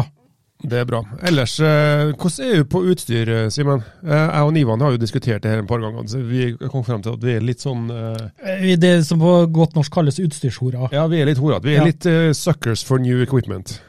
Dere tar ikke meg. Nei, ja, vi... 1800 kvadrat Ja, det, Ja, ja. Det- det, da da hoppa vi over fra, fra privat-Simen til butikk-Simen igjen. Nei, men sånn hvordan? Jeg er, veldig, gla- jeg er veldig glad i utstyr, men jeg er veldig også glad i utstyret mitt. Mm. Uh, sånn at eh, jeg, ikke, jeg, er veldig, jeg er fortsatt lei meg, for jeg finner ikke igjen den første uh, karbonaprunen min. Ja. Den første Tactical Carbon vi liksom lagde prototyper på og importerte, så jeg har hatt som jeg bare er helt at med. Han ser ikke ut, for han er brukt så hardt, men den funker like fint. Jeg finner den ikke igjen, og det gnager i meg fortsatt. Jeg har Ja. ikke funnet den på ett og et halvt år. Så jeg, jeg, jeg er veldig glad i utstyret mitt, men jeg er en hard bruker. Jeg bruker ting veldig, veldig, veldig hardt. Ja. Og så jeg kaster meg utfor båter og ruller i ruren og klatrer i strømmen. og øh, jeg, Kan det bli ødelagt, så klarer jeg nok å ødelegge det. da. Så Jeg setter veldig sånn, jeg må, ha- jeg må ha ting som tåler, virkelig tåler å bli brukt. Du Ørjan, har jo vært på et par turer med meg og sett hvordan jeg kan Jeg er jo Svimen er jo det jeg går for i Svimen, eller Simen Snublefot. Det er de to, Ja, de to er kallenavnene mine. Ja, men så det lenge å har med seg backup-utstyr, så er det jo ikke noe problem. Ja, ja, Jo. det er akkurat det. Jeg har med, jeg har med backup og sånn, men eh, jeg har hatt nok av turer. Men jeg var, igjen, da, forskjell fra da jeg var yngre til nå. Blitt voksen, tar godt vare på lekene mine. Ja. Jeg var yngre. Ah, har kommet frem eh, i minus ti til dykkesteden og prøver å få utstyr ut av bagen, så kommer det bare sånn en frossen klump ut med en drakt som ser ut som han er helt full i revmatisme. Ja, ja. Og har òg glemt vann, sant? så du må liksom dyppe det i iskaldt sjøvann. for å få det Høres veldig kjent ut. Jeg tror vi har vært der. og De fleste av oss har vært Mm. der, altså. Ja, Men nå, jeg veldig, nå, nå liker jeg det strømlinjeforma. Nå Ja. jeg det vel, nå prøver jeg, og det er liksom en del av, Nå skal jeg ikke gå inn på jobb her, men det er litt, det- jeg lar meg drive litt av det nå. da, Hvordan gjøre det convenient. Hvordan gjøre det lavterskel og behag, så behagelig som mulig. og jeg. Det du sier der, tror jeg er ganske viktig, faktisk. For det, det, det, det gjør opplevelsen bedre. Eh, Ja. og, og spesielt for nybegynnere så er det ofte sånn at det kanskje er litt hessel, og det er litt eh, Hvis de ikke har den rutinen inn, så, så Ja, ja, ja. Og det bruker, er man nybegynner, så bruker man jo litt tid på å få på Ja. seg utstyr. og bli klar. Men sånn som I går så skulle vi på et sted og dykke. Jeg skulle plukke opp to kamerater på vei ut på tur, og det er ca. 40 minutter kjøring hvis jeg hadde kjørt på direkten. Så det ble ca. en time, da. Men da valgte jeg bare OK, hjemme, forberedte meg godt, alt klart i bilen. Men tok på meg dykkerbuksa. Den han lå inne på badet. Og dykkerbukse og en sånn eh, singlet. Den tar jeg alltid på meg tørr. Den kan du bare vrenge på. sant? mm. rulle den på. Eh, og så litt varme klær utenpå og sko på. Så da, da, Det er jo så mykt og behagelig det utstyret. at du kan bare, Kjørte jeg det i et setetrekk i bilen. Og når jeg da kom fram på dykkerplassen, så er jo liksom, da er det liksom det, så, Å ta av seg genseren og allerede når plensingleten er på, å få på en overdel og noen sokker og en hanske, det er jo null stress. da. Ja. Så det, jeg, det merker jeg spesielt på nattdykking og når det er surt og kaldt ute nå. så jeg, Det har jeg aldri tenkt på å gidde før, men nå merker jeg at det var jo rent gull. For du er jo varm og god, og det blir ingen sånn derre Mm. OK, nå skal alle klærne av her, og det blåser jo sideveis og snør. sant? Ja, det er av og, av og til at den, eh, av og til at den går ut av bilen og så bare sånn Hva jeg holder på med? Hvorfor gjør jeg egentlig dette her? Hvorfor gidder jeg dette her? Ja da, Så kommer galgenhumoren, så står du plutselig der og ler deg hel Ja, ja, så står du der med-. Så står du med ræva bar og pisser før du skal ha på Ja. plata. Vår, eh, vår felles danske venn Jens, vet du. Han var jo på besøk til meg i sommer. Hadde med seg guttene sine. Dem, eh, så vi var ute og dykka. Eh, og Jens klarte følgende i løpet av en time. Å rive opp drakta si, ja, det stemmer. Og miste blyet sitt. Knekke finnen. Og, så den datt jo, visste ikke helt hva den var. Når han da kava seg opp i båten, så trakk han og knuste maska. Det, på, det, Så på, på tre ting på en gang. Så han, han kommer jo oppover nå, så han har sikkert nytt utstyr ja, nå. det får jeg håpe. Ja, Det får jeg håpe. så, Kjenner meg, kjenner meg igjen i det. ja, så det, det, det er fort gjort, altså. Men, men, det, det, men det, det, det, jeg tror også det er viktig det du sier i forhold til å være litt sånn godt forberedt, og alt sånt der, også med tanke på å ta med sikkerhet. Ja. For eh, er du godt forberedt, så, så tror jeg det at eh, du er mer rusta for hendelser og sånne ting òg, tenker jeg. Sånn, hvis du er godt forberedt i hodet òg. Ja. også, Ikke nødvendigvis bare på utstyr, men altså Ikke bare det, men altså, sikkerhet er en, en ting som vi ehm, som er som du sier, du forbereder deg på å tenke gjennom, Mm. men også som, eh, som du eh, opparbeider gjennom erfaring. Ja. Altså, første, selvfølgelig kunnskap gjennom kurs, eh, buddy osv., men også som du opparbeider gjennom erfaring. Ehm, vi, vi, jeg og du, vi skriver jo sja vi hver gang vi skal ut. ja, ja, ja. Ja? ja. TS. Nei, det, det er etterpå. Ja, det er etterpå. TS er etterpå. Ja, sa først. Se først. Sikker jobbanalyse, Ja. og så taps- og skademelding etterpå. Det har Jens med seg hele tida. eh, men Simen, du var ute og nattdykka her for en stund siden. Hvordan gikk det? Det gikk dårlig. Eh, det endte jo bra, da. Men, Erfaringsbasert, eh, god hendelse, si. Lært noe av den? Ja, nei, det var Du vil sikkert, du vil sikkert ha hele historien. Ja, det kan vi ikke dra den litt, Ja, for jeg synes det, det, det er noe som flere kan ta lærdom av. Ja. så Nei, får vi heller kle oss litt naken. Det var litt sånn klisjeen, da. Selvsikker mann, snart 40, ut på tur. Eh, Men jeg er jo akkurat som dere veldig opptatt av sikkerhet, og jeg er veldig opptatt av å ikke Jeg vil ikke si jeg er veldig sånn opptatt av sikkerhet, men jeg har en holdning til fridykking som gjør at det er trygt. Ja. Det er på en måte kanskje mer en riktig måte å si det på. Det jeg Ja. gjør, da, at jeg, jeg er ikke sånn at herregud, nå må vi gjøre sånn og sånn. For det vi holder på med, er egentlig en trygg og fin hobby. Mm. Men hvis du gjør idiotiske ting, så gjør det samme hva du holder på med. Mm. Det øker risikoen på alt. Så jeg vil, jeg, Det er mitt utgangspunkt. da, Jeg trenger egentlig ikke å tenke sikkerhet, fordi at jeg har eh, det jeg holder på med, er trygt. Fordi at jeg har så mye rutine og, og konkurrerer ikke, holder pusten, konkurrerer ikke, gjør, gjør ikke dumme valg, er ikke på risikofylte steder, planlegger godt. Ergo sikkerheten er ivaretatt uten at jeg trenger å gjøre sånne voldsomme analyser før jeg skal ut på tur. Men Ja. Akkurat i vinter så har det gått veldig lang tid siden eh, Altså i 2022 fikk jeg dykke skremmende lite. Veldig, veldig lite. Jeg har aldri vært med på et så dårlig dykkeår før. Heldigvis nå har jeg fått mer dykking i 2023 snart enn jeg hadde i hele 2022. Oi. Da, det sier litt. Eh, ja, sant. Eh, så det er skikkelig godt å være i gang igjen og ha tid og anledning til det. Men da skulle vi ut og dykke eh, på et sted jeg ikke hadde nattdykket før, hvor det var ganske sterk strøm, som jeg dykker i hele tiden. Eh, og eh, utstyret mitt hadde ikke vært brukt på ganske lenge. Og litt før vi skulle av og reise, så ble det litt sånn Det ble litt tidsknapt. Så jeg, jeg rakk liksom ikke helt å se over alt skikkelig. Jeg gjorde, tok det på rutinen, bare tok med alt jeg hadde, liksom, sånn, sånn, og så regna jeg med at alt var på stell. Og så kom vi frem til det stedet, og der var det iskaldt. Så det blåste, det var minus 15. Så det ble litt sånn derre Oi, vi får bare komme oss, liksom, på, vi får bare komme oss uti. Og alt på stell, liksom. Og hadde glemt endestykket til harpunen, det var noe litt sånn dumt. Men jeg skulle ikke jakte så mye fisk, så jeg kobla det bare meg bare rett i Altså gule lina rett i harpunen og klikka meg på linen og var kobla for å liksom, kanskje plukke meg en torsk eller noe. Og fangstflåte med meg og gode, gode greier. Og så starta vi. Hoppa i sjøen. Strømmen gikk utover, så vi skulle bare krysse rett over. Gikk helt fint. Rett på torsk med en gang. Wow, liksom. Jackpot. Har ikke vært i sjøen på så lenge, og her er det liksom 1, 2, 3, 4, 5, 6 torsk som står klar eh, rett under meg. Så jeg tar én, går inn, lader opp, tar en til. Dykker vi en god stund. Og jeg ligger i en sånn bakevje og, og koser meg. og Vi nærmer oss ferdige. Da, da har strømmen det har gått litt tid, da. Men da har jeg fått eh, fem, fem fine torsk, sånn mellom to til fem kilo. Så henger på linen sånn som de pleier eh, ved flåta. Og så eh, veldig ofte når jeg skal tilbake igjen til tidevannsstrømmer, så hvis det ikke har klaffa med strømmen at jeg skal gå opp og ned på samme siden Her hadde vi kryssa over. Så, så kjøper jeg meg alltid litt terreng før jeg begynner å krysse. For strømmen gikk bare samme vei hele tiden her. Og den var blitt ganske mye kraftigere enn når vi gikk uti. Så da, da jobber jeg meg alltid opp litt langs landet på ene siden, sånn at jeg kan krysse over og dette ned igjen til startpunktet mitt. Ja. Og det gjorde jeg jo denne gangen òg. Gikk oppover i strømmen. Godt opp, for jeg så det var rant godt, liksom. Rant som en elv.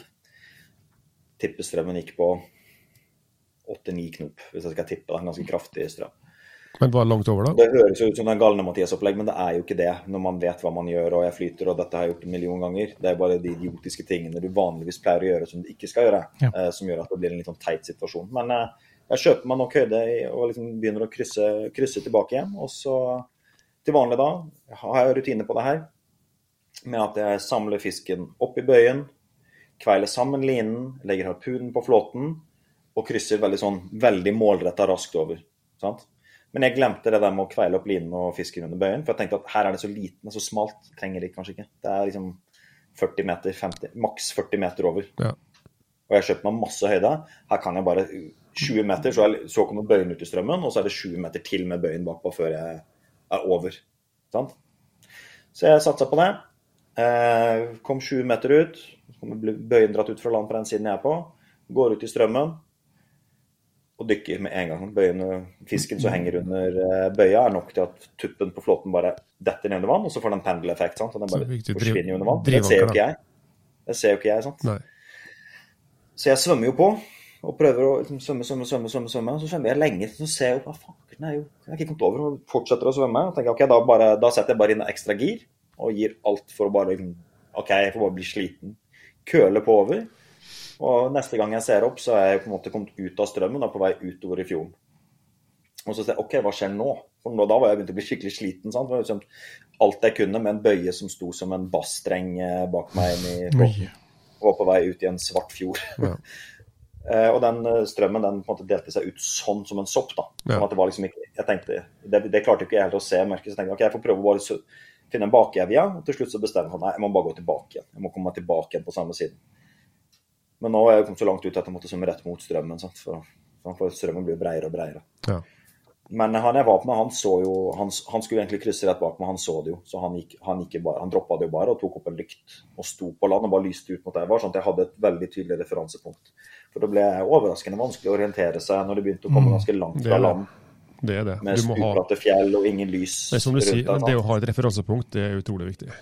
Ja, men heldigvis all ære til han også, for han gjorde det. Og da skal jeg innrømme at det var, da når jeg lå uti der da, og var daudsleten og Det var først der ute jeg kjente, jeg kom borti linen min og kjente hvor stram den var, og da så jeg liksom OK, der har vi problemet, liksom. Mm. Det er bøya full i fisk som drar meg ut i fjorden.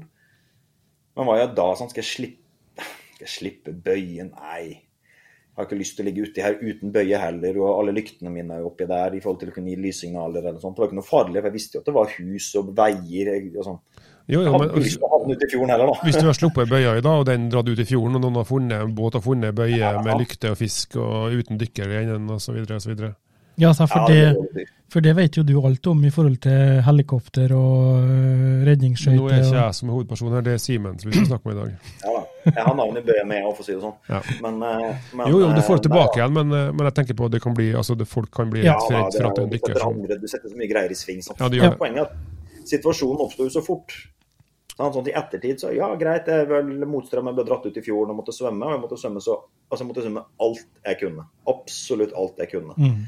Og til slutt klarte jeg liksom å komme meg tilbake igjen og inn igjen. Men da, da måtte jeg ha et godt kvarter der jeg bare lå nærmest i fjæresteinene for å hente meg inn igjen. For jeg var av luft. helt punktert.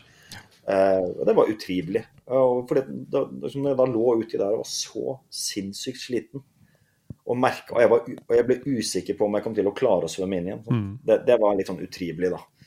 Jeg visste jo at jeg kunne bare la meg drive av gårde og komme meg inn til land på en annen måte, men det hadde jeg ikke lyst til. Jeg merket det, det, det var liksom ikke Nei, jeg skal inn igjen. Eh, og det var ikke noe gøy. Og da, da fikk jeg for første gang litt sånn derre Hva skal jeg si? Faen, for en idiot du er. Følelse Så- så av den- på. Så den lille, lille, altså den lille svikten i rutine med å ikke ta fisken opp på bøya, legge det på bøya, lina oppi, svømme over, ferdig. Det så sinnssykt mye bedre. at Det der har jeg gjort en million ganger. Ja. Mm. Men, men fordi at det var en liten strøm og sånn og sånn, og sånn, og en liten smalt parti, så tenkte jeg at dette går dette, dette her trenger jeg ikke å følge. Det her er bare å svømme over. Ja. Og så det er det samme som å svømme. Det, sånn, det, ja, nei, det var, det var, det var torse gjort, da. Så det gjør jeg ikke igjen. Nei. Og så er det mørkt i tillegg. Ja, så er det mørkt i tillegg, og du har folk med. Det var sant? ikke kul situasjon hvis han jeg var med, står igjen der, sant? og jeg ligger ute i fjorden et sted, og han skal, han skal over. Og... Nei. Ikke bra, nei. Jeg kan jo nevne kort at jeg, nei, på neste forsøk gikk jeg enda lenger opp i strømmen Ja. og la fisken opp på bøyen. Gjorde Ja. alt rett og begynte å krysse over. Og idet jeg var kommet 20 meter ut i strømmen, så hadde bøyen hengt seg fast inne ved land. Så jeg ble snurra inn igjen og måtte gjøre enda et forsøk. Oi, da, tenkte jeg, da, var, da var jeg sliten, da. Faen, faen, faen. faen. Jeg tenker, altså, altså, jeg syns det er egentlig veldig bra at, uh, altså, at, at du nevner dette her, og liksom forteller om din erfaring med det. Altså, du, er jo en, du, du du er jo en kjent person innen det her miljøet, og jeg tror det er viktig ja, at en uh, Ja, ja, det er ikke noe, det er ikke noe, deler ikke noe, ikke, ikke noe grunn til å ikke gjøre, Nei, at- gjøre feil. fordi, ja, fordi at det, det, her er det andre også som- som kan lytte til det her og høre at eh, ja, får en liten tanke ekstra når du er ute, Ja. og tenker litt ekstra over ting. Men det er jo litt sånn som Simen, Simen sa i sted, at det, det er lov å tenke eh, det er lov å tenke konsekvens før en gjør, gjør noe. Mm. Og så vil jeg tenke at det, det høres ut nesten, Når jeg hører meg selv si disse tingene, så høres det ut som jeg driver med sånne galne-Mathias. Strømmen går med åtte knop og sånn og sånn og sånn, og bøya dratt under vann. Men for vi som, med, med, som har drevet med fridykking i strømmer i lang tid, sånn, så vet vi at det er bare peanøtter det vi snakker om. Det er ingenting. Det er for oss, eller for de som, de som behersker strømdykk, så er det på en måte ikke noe Ja. Det er ikke bagatellisering av, av det. Man, gjør jo ikke, man dykker jo ikke på den plassen jeg dykker på der, hvis ikke jeg hadde vært kompetent og hatt kunnskapen og visst at det er helt fint. Det er ikke noe problem. Problemet er at jeg gjorde en god del dumme vurderinger. Jeg glemte en del småting som satte meg plutselig i en uheldig situasjon. Og det er en av de tingene jeg liker å, å snakke med alle om, og minne, nesten forminne minne meg selv på det. Og så Uansett om det er sykling eller ski eller fjelltur, så er det summen av sånne små feil stivalg du tar underveis på turen, som setter deg plutselig i en situasjon. Da. Det er veldig sjelden det er liksom Der gjorde jeg feil, og der kom det uheldige situasjonen. Veldig ofte er det at du gjør en, en rekke med sånne små brudd på, på det du vanligvis gjør. Jeg hadde ikke helt den samme lineopplegget, jeg var, hadde ikke dykket på veldig lenge, jeg hadde ikke fisken i bøyen, jeg hadde ikke harpunen oppe, jeg hadde ikke kveila sammen. Sånn. Mange, hadde jeg bare liksom kanskje gjort én av de tingene og holdt den, opp- holdt den opp på stien, så, så hadde det liksom vært yet another perfect dive. sant? Det er heldigvis eh, ikke basehopping vi driver på med. Nei, Eh, da har du, da har du et forsøk. Det. Det var jo bare at jeg holdt på Jeg måtte slite meg ut og, Mm. og havna litt, litt, litt langt ut i en ukomfortabel situasjon ute i fjorden. Ja. Eh, det, det må sies. Ja. Nei da. Nei, det er eh, som jeg sa. Jeg tror det er vik- de viktig å prate om fleste sånne feil de blir en god historie etterpå. Mm. Jeg er helt enig. og Det, det å ha skuldrene nede og bare ta lærdom av det og dele litt av det, det syns jeg, Ja, synes jeg er fint. Vi må, ikke, vi, må ikke, vi må ikke ha sånn derre Tenke på oss selv som sånne sjøguder som eh? Ja, men det er jo en grunn til at vi er blitt sjøguder. Det er jo en grunn til at vi er blitt sjøguder. Ja, ja, Det er jo at vi har gjort de her feilene, sant? Og da kan vi fremstå som sjøguder til dem som ikke vet bedre. Og så for Ja, dem som kjenner oss, er vi bare erfarne undervannsjegere. Jeg har en del sånne prinsipp, og det, er del, det har blitt litt upopulært hos oss enkelte, men en del prinsipper jeg har, det er at eh, det er veldig mange fridykkere som jeg har snakket med opp igjennom, som ikke vil fortelle hvor lengt, lenge de holder pusten, eller hvor dypt de dykker, og så forkler de det bak at det liksom skal være en hemmelighet, fordi de er så sinnssykt gode. Jeg syns det er mye kulere å bare si jeg dykker til 10 meter, og jeg holder pusten i 45 sekunder, og det gjør de fleste undervannsjegere på de fleste dykk. Ja. Å stå inne for det, og være sinnssykt god innenfor de rammene, enn de der som liksom Nei, ja, nei, man sto nå dypt, kan si det, liksom. Så, ja, OK, så du dykker til 40 meter, du? Ja, OK, da må jeg prøve på det. Han dykker til det, der greiene der, det liker jeg ikke. Nei, Helt, er jeg, jeg er helt enig. Jeg får ofte spørsmål fra folk som ikke eh, driver med dette her. og Når jeg forteller hva jeg gjør, og sånn, så er det at «Oi, du, du må jo holde pusten lenge, ikke sant? Og så, Nei. Ja, men du må, så må du nå dykke dypt. Altså, nei. Altså, vi, ah, jeg må jo si, vi her på Nordmøre, vi er jo bortskjemt. Ja. Vi, vi, er jo, det. vi er jo det. Dere oppfører det sånn òg. Ja, takk.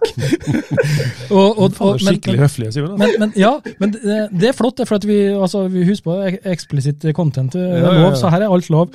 Eh, det var som han Daniel det var som en Daniel Mann sa uh, we- Can I- you, you, you can swear on this eh, podcast, yes. så, uh, men men det, det, det er sånn at uh, vi, vi, vi har Jeg jeg i hvert fall føler ikke jeg har ingen behov eh, i det hele tatt. Eh, på verken dykke dypt eller dykke lenge. Eh, litt kanskje fordi at vi er såpass heldige her, her vi bor, Ja. I, i forhold til hvor fangsten eh, befinner seg hen og alt sånt som det er der. Men jeg tror det er generelt i Norge.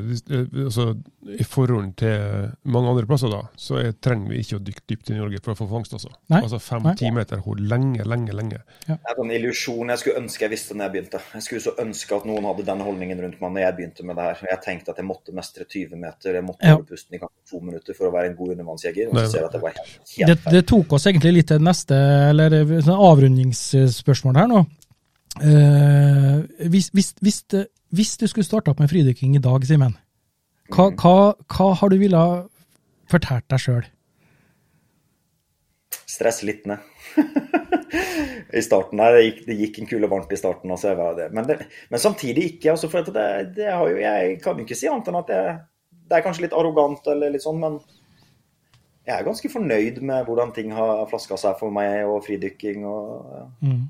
Jeg har jo på en måte jeg har jo fått det til å være levebrødet mitt. Kollegene mine er fantastiske. Jeg har en flott jobb. Jeg har samboer som jeg har fått barn med, og har en flott familie med som var kursdeltaker. Jeg har alle mine beste venner driver med fridykking, og jeg kan planlegge turer med dem. Og jeg tenker at det kanskje ikke er så mye å rokke ved. Kanskje, det, kanskje var det vel verdt å ha den lærdommen og, så jeg hadde. Det høres litt sånn klisjé ut, da, Mm. men eh, jeg tror kanskje ikke jeg hadde endret så mye på. Det det jeg nevnte litt i sted. at at jeg skulle ønske at altså, det var, Vår utstyr var jo dritt når jeg, når jeg begynte, så det var kaldt. Jeg skulle ønske, jeg skulle ønske jeg visste mer om utstyr. Og så eh, det her med at eh, altså, Skrekkeksempel. Jo, jeg har én ting. Jeg var jo en elendig undervannsjeger da jeg begynte, sånn som de fleste er. Og da var det jo ingen som kunne fortelle meg om årstider eller tidevannsstrømmer, eller at fisk kan høre luft, eller noe som helst. Så jeg svømte jo bare av gårde og tenkte at jo mer areal jeg dekker under vann, jo større sannsynlighet for at det er en eller annen dag så finner jeg en eller annen jævla fisk. Du gjør jo ikke det da, vet du. sant? Nei.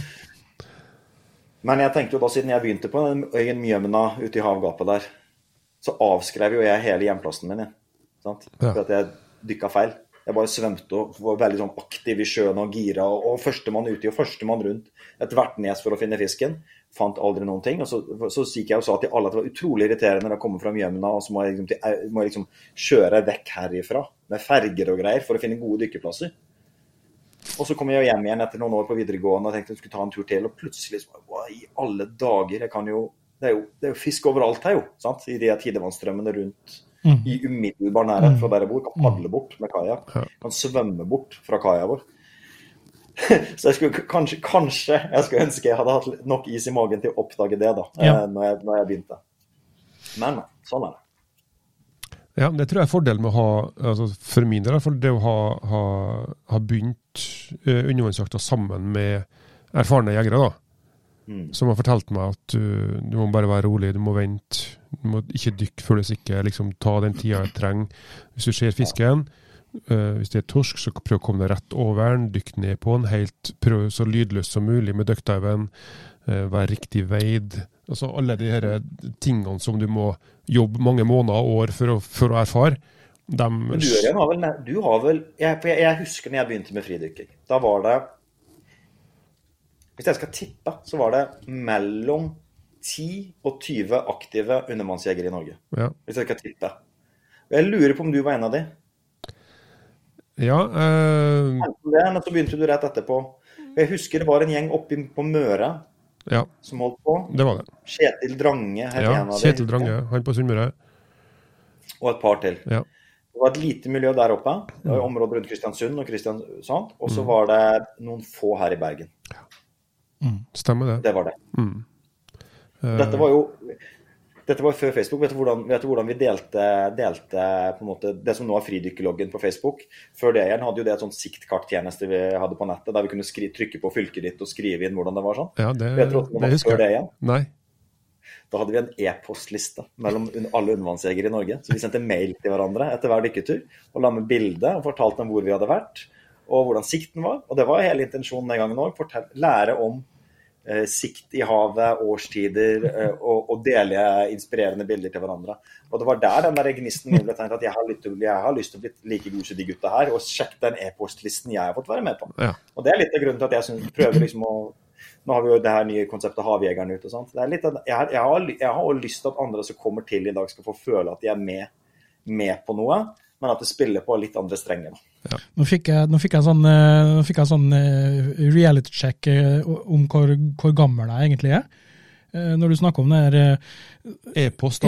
blitt e-postlista, e-postlista, sant?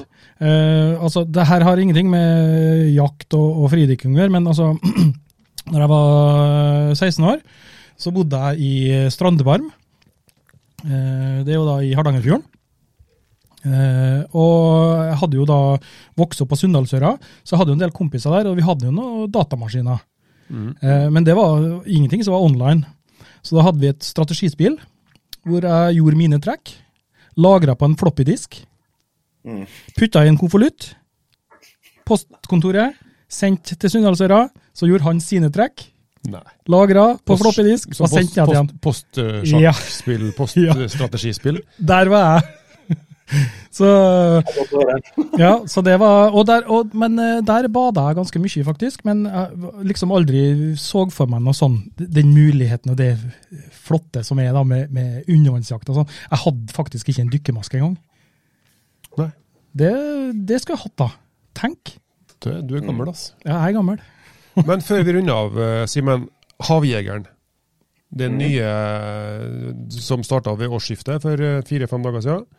Mm. Um, hva er det for noe? Kan du, kan du si litt hva det er?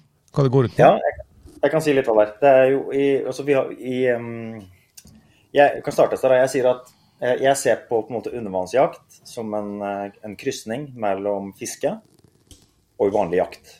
Det er på en måte utgangspunktet mitt. at Du kan lære veldig mye og hente veldig mye inspirasjon og følelser og kultur fra begge. Og jeg tror de fleste undervannsjegere føler seg litt som både en fisker og som en jeger. Og så har det vært sånn fra fridykkermiljøet i Norge begynte å blomstre opp, og, fra undervannsjakt, så har det alltid vært veldig sånn Kanskje de mest, sånn, naturlig at de mest ivrige jegerne eh, og undervannsjegerne kommer til miljøet først, da. Og der er det en grei forståelse mellom alle at eh, selvfølgelig er beskatning av havet veldig viktig, og vi gjør det på en god måte. Og så er det helt en selvfølge at eh, som på en fisketur når du får en stor fisk, eller er på en fiskefestival, så er det lov å juble litt når du får en drømmefangsten. sant? Og så har dette her på en måte, har tiden gått, og det er som du sa i serien, det er tid for alt. Og etter hvert så har det på en måte fridykking blitt mer og mer folkelig, det har blitt mer og mer åpent, det har blitt mer og mer synlig hva vi holder på med. Så tenker jeg at, eh, at, eh, at det kan gjøre noe med hvordan undervannsjegere oppfattes, og at det oppstår en liten avstand mellom det undervannsjegeren, det øyeblikket du har lyst til å dele. Sant? La oss si du har vært i sjøen 40 ganger, da, og endelig så fikk du en fin fisk. Og så hadde du lyst til å vise den frem og liksom se, del dette øyeblikket med meg. Sant? Ref den her. Sant? Del dette med meg, folkens. Se, ta del i øyeblikket mitt her. Jeg har fått dette til. Jeg skal spise denne fisken. Jeg har fått dette til. Det betyr mye for meg. Og så og så kommer tastaturkrigere eller besserwissere. Det aller verste jeg ser, er når undervannsjegere går etter hverandre. Det er heldigvis noe vi ser veldig sjelden, for vi har et godt miljø. Men sant, her har man vært ute på en selektiv måte og sanka mat fra havet og har fått stort øyeblikk, og så, og så begynner det. sant? Og du tar bare de største, og dette er blablabla.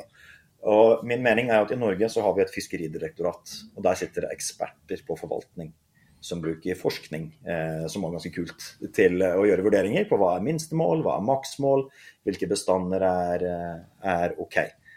Og Det syns jeg er viktig, at vi som, vi som, på en måte bruker havet, vi skal stå inne for det, og vi skal, og vi skal vise det frem. Mm. Det syns jeg er et prinsipp. Vi skal ikke drive med, med undervannsjakt i skygger eller korridorer eller lobbyer og liksom holde det unna.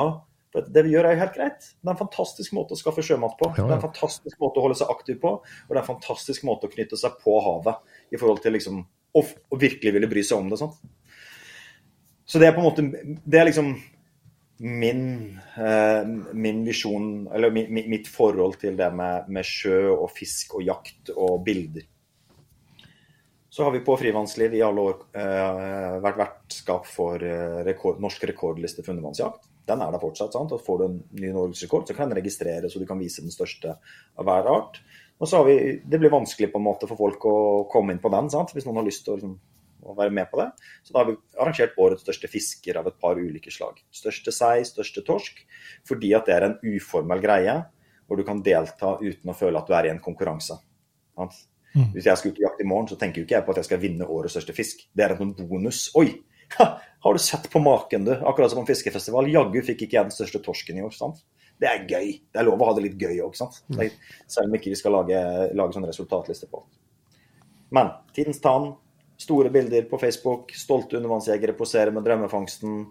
Eh, kanskje det oppstår en liten mismatch mellom det vi holder på med og det vi har lyst til å vise omverdenen. At ikke vi fremstår som troféjegere. For nå er det plutselig veldig mange jegere. Da vil det naturligvis komme flere mm. bilder av store fangster, og plutselig så kan det fra utsiden se ut som vi, om det er liksom det som er greien.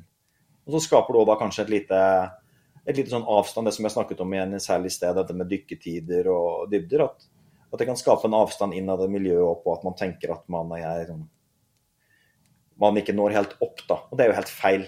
For de aller fleste undervannsjegere deler jo ikke hverdagsdykkene sine og de vanlige fangstene hele tiden. og Derfor ser det ut som man driver med noe som ikke gjenspeiler det man gjør fordi man viser de store bildene. Så over på havjegeren. Eh, innenfor fiske så er det det med artskunnskap og artsfiske populært. Så vi tenkte å, å, prøve å Det var jo Aksel fra Stavanger som kom med en idé litt før jul, som jeg tenkte at dette skal vi pokker meg prøve. For jeg har tenkt lenge på det. Jeg har gått i to-tre år nå og tenkt på hvordan vi skal eh, forvalte miljøet som vi på en måte, som frivannsliv jobber med. Hvordan skal, skal vår, eh, hvordan, skal, vi på en måte gå videre eh, og gjøre noen grep? Vi har lyst til å holde på dette communityet, vi har lyst til at folk skal være, ta del i noe. Og vi har lyst til at det skal være en god identitet og gode holdninger til grunn. Og det var da denne havjegerkonseptet blomstra opp. Først het det Matjegeren, så arbeidstittelen på hele konseptet det var Matjegeren. Og Det tenker jeg var greit å få frem, for det er jo det som ligger til grunn her. Mm. Hvordan, kan de, hvordan kan de som bor i Stavanger føle at de er med på den samme aktiviteten eller det samme eh, prosjektkonseptet som de som bor i Saltstrømmen? Jo, da må det være basert på en mye bredere artsgreie, og ikke etter hvor store og små eh, fiskere er. Eh, så det er på en måte tanken. Og så er det lagt noen premier og sånt, der du da kan få et sanke moderat fra hver art og registrere de, og vise hva du fanger fra havet av matfisk. Og det er jo helt, hele nøkkelen her. sant? Hva, hvordan, hva av matvarer Beklager. Hva matvarer kan du, eh, kan du ta med deg hjem på kjøkkenet? Og hvordan kan du utvikle deg som en undervannsjeger til å sanke breiere? sant? I forhold til det der, hva er det, vi, hva er det vi egentlig brenner for? Hva er det vi egentlig bruker havet til? Jo, kamskjell og rødspetter og østers og kuskjell og blåskjell og knivskjell, eh, strandskjell, kråkeboller. Sant? Tenk på alle de tingene vi ikke viser frem, som er gode matgreier. nå. Tenk hvor kult å klare å lage Hvis vi hadde klart å lage et konsept der alle disse flinke undervannsjegerne som er flinke med både fangst, de kjenner havet ut og inn, de er flinke med bilder, og få ut hele den historien som vi, som vi på en måte stolt står bak. Det er litt av tanken om det. Og så er det selvfølgelig, og det er fullt forståelig for, for det har jeg liksom litt sånn delte meninger om selv òg, om det der å konkurrere eh, om å fange fisk eller ikke. Men mm. i hodet mitt så tenker jeg ja, greit, vi, noen premier og litt sånn, det er greit. Det gjør det litt sånn gøy. Men vi skal ikke gjøre det til en sånn vinnere-tapere-konkurranse. Man skal få registrere litt, få litt poeng. Vi kan dele ut noen premier, litt sånn på show. Men eh, dette er jo et prøveår. Og så har vi allerede fått en del ideer allerede. Sant? Dere har jo sett at jeg har lagt dette åpent ut i forumene. Veldig interessert i å høre hva, hva, hvordan andre opplever det. Jeg har fått veldig, masse, veldig, veldig mange som har lyst til å være med overraskende mange som syns det er kult og som kjøper konseptet. Mm. Og så er det noen som syns det er litt dumt at man skal eh, konkurrere eh, innenfor jakt. Og det er jeg jo egentlig helt enig med. Jeg er jo selv en motstander av sånn Nå har dere tre timer ute og skyter så mye fisk dere kan. Mm. Og, og det, nå, igjen, nå, nå, har du trykka på play på meg. Men ja, det er én ting til jeg har lyst til å si om det. Ja. Hvis du skal endre et miljø, eller endre en kultur, eller gjøre noe som betyr noe, så skal du gjøre det fra innsiden. Og Det er det jeg tenker er litt kult her. da. Hvis vi klarer å lage et konsept, altså havjegere, der undervannsjegere fra innsiden går inn og gjør noe med signalene vi sender ut, samtidig som vi lærer oss å bli inspirert av hverandre. Jeg er allerede på jakt etter en trollkrabbe. Har aldri tenkt på det før. Jeg så Mikael la ut et bilde av en trollkrabbe. Da kom jeg på at det fikk jeg en gang. Servert. Suppe kokt på trollkrabbe. Det var så godt. Jeg skal ha trollkrabbe. Mm. Eh, og den, akkurat den er det jeg liksom håper at skapes hos flere. da, Å få denne gnisten til å, å, komme hjem på kjøkkenet med nye ting og være stolt og, og, og få en slags ny gnist. sant? Jeg har holdt på med det her i 20 år, eh, og jeg kjenner at jeg har tent på det. Så jeg håper andre gjør det òg. Jeg, jeg, har lyst til å lære nye ting, jeg har lyst til å fange nye arter, jeg har lyst til å lage ny mat. Eh, og jeg har lyst til å vise verden hva en undervannsjeger er. Eh, sånn at vi kan stå inne for hobbyen vår på en god måte, eh, som jeg ser på som en del av allemannsretten vår. Ja. Og så kan disse trålerne få tråle så mye fisk de vil. Jeg vil ikke høre et pøkk om at en fridykker tar torsken. Ett kast der for Røkke, så har han tatt mer enn alle undervannsjegerne i hele Norge på ett år. Ja. I hele Europa, sikkert. Vi, det, er, det, er helt sant, ja. Vi, vi, vi, vi, vi toucha egentlig litt innom det her i forrige podkast, mm. jeg og du. Eh, hvor jeg tok en liten sånn moral eh, Eller ikke en sånn eh, hva vi, hva vi som undervannsjegere skal stå for, og hvordan vi skal oppføre oss, og hvordan vi skal vise omverdenen hva det er vi gjør og sånn. Hvor viktig det er mm. å, å virkelig For at det er veldig lett at på utsida kan skjes ut, som du sier, da, hvis det blir bare fangst av store fisker, og det er bare det vi gjør, osv. Uh, og da husker jeg du sa det at uh, det her er faktisk ganske viktig, det du sier, Ivan. Ta må du, ta, ta må du si hver podkast. Ja. ja. men altså, det er fordi at jeg har, fordi at jeg har uh, når jeg har reist litt rundt i bl.a. Danmark, det nærmeste landet vårt vi kan referere oss litt til, um, de har litt mindre forhold, men altså de, det som har skjedd, da, er at det er blitt en sånn kamp mellom eh, fiskere og undervannsjegere. Fiskerne mm. beskylder undervannsjegerne før, og undervannsjegerne beskylder altså, altså, Istedenfor å stå på hver sin front og steile mot hverandre, så vær åpen og så, og så mm. eh, jobb sammen mot de samme målene. Det er å forvalte de bestandene av fisk vi har, på en best mulig måte. Yep. Sant? Ja, det, er helt, det støtter jeg 100 og uh, jeg, jeg, strekker alltid ut en hånd når jeg ser fiskere langs sjøen. Jeg er jo fisker selv, jeg elsker jo å fiske selv, det er ikke noe galt i det. Men det er et par ting som er viktig òg. Det er at Norge har jo helt latterlig med fiskeressurser ja. sammenligna med resten av EU. Og det at Norge potensielt skal liksom underlegges de samme fiskerestriksjonene som i Italia, fordi havet nede hos de er tomt, det er jo helt høl i hodet. Ja. Eh, og Danmark rammes litt av det. Mm. Og så tror jeg det er en stor fordel i Norge at ikke det er lov å jakte på ørretfisk med harpun. Fordi at der ligger det så Det er på en måte mye, mye mer sårbar, og det er mye mer følelser involvert. Og mye penger. Det er andre grunner til hvorfor ikke du skal ta laks og sjøørret og hummer. Mm. Og det at vi ikke Hummer òg kan du ta i Danmark, sant? Ja, ja. Det tror jeg er konfliktdrivere mellom mm. fiskere. Så Hvis du ser på laksefiskere og ørretfiskere, så er de utrolig lidenskapelige i det de holder på med òg. Det Absolutt. Men jeg, jeg tror det er en god ting at ikke vi har lov å røre de tingene i Norge. For det holder, fridyk, det holder fred mellom fridykkere og fiskere. Og vi kan heller være enige om at eh, havet er bra. Det er veldig få som blir eh, furten fordi at noen har tatt lyren hans i dag. Ja, det, Eh, men tar du laksen, ja. Litt Det var et uh, poeng som jeg aldri har tenkt over, men når du sier det nå, så er det faktisk Det tror jeg du jaggu har rett i. Ja, ja, ja. Det, det tror jeg faktisk. Jeg har blitt litt snurt av hvis du har tatt laksen min, Ivan. Jeg trodde det var høna du snakka med. uh, Simen, uh, Nå gikk den igjen, vet du. vi, vi, kunne, vi kunne egentlig sittet og prata ganske lenge, uh, men vi skal ta og avrunde. Ja, for vi, vi er kjent for å ha lange podkaster, Ja. og nå bekker vi en og en halv time snart.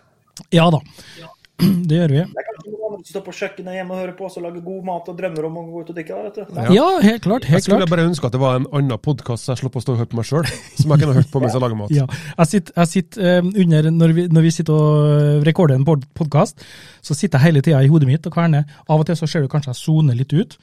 Hele tida. Ja, og da sitter jeg og tenker hva, hva skal jeg skrive eh, ja, når, jeg skal, for po- når jeg skal poste podkasten? Ja, ja, ja. Hva slags tekst uh, nå er jeg? Har en del sånne ideer nå. Ja.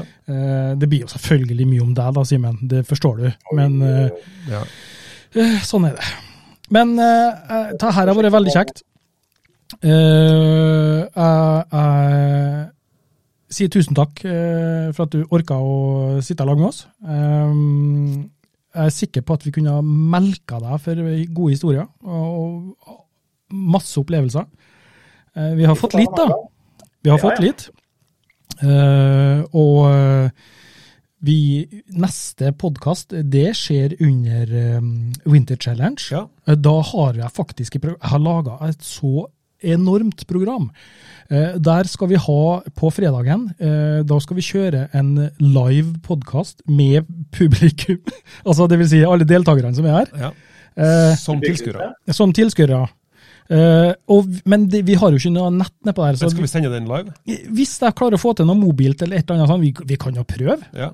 Det har vært gøy, da. Ja, det har vært gøy. Få, få, få spredd litt stemning. Ja, spredd litt stemning. Eh, og så har vi jo, eh, kobler vi jo på to ekstra mikrofoner, så kan vi nå få noen til å komme inn. Eh, Det har vært kjempeartig. ja, ja, ja, det Ja. tror jeg absolutt. Um, og det, det er, noe annet spennende der, det er at eh, jeg skal plassere ut plenty med kamera, så samtlige på Winter Challenge eh, har blitt eh, instruert i å filme.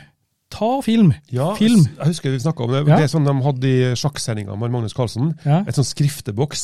ja, det skal vi ha òg. Det skal vi ha òg, ja? Ja, vi skal okay. ha det òg. Det er viktig. Ja, så det blir ganske spennende. Eh, så får vi liksom den her eh, atmosfæren og alt det der. Vi skal ha nattdykk, vi skal ha eh, dagsdykk, vi skal ha masse andre konkurranser, filetkonkurranse.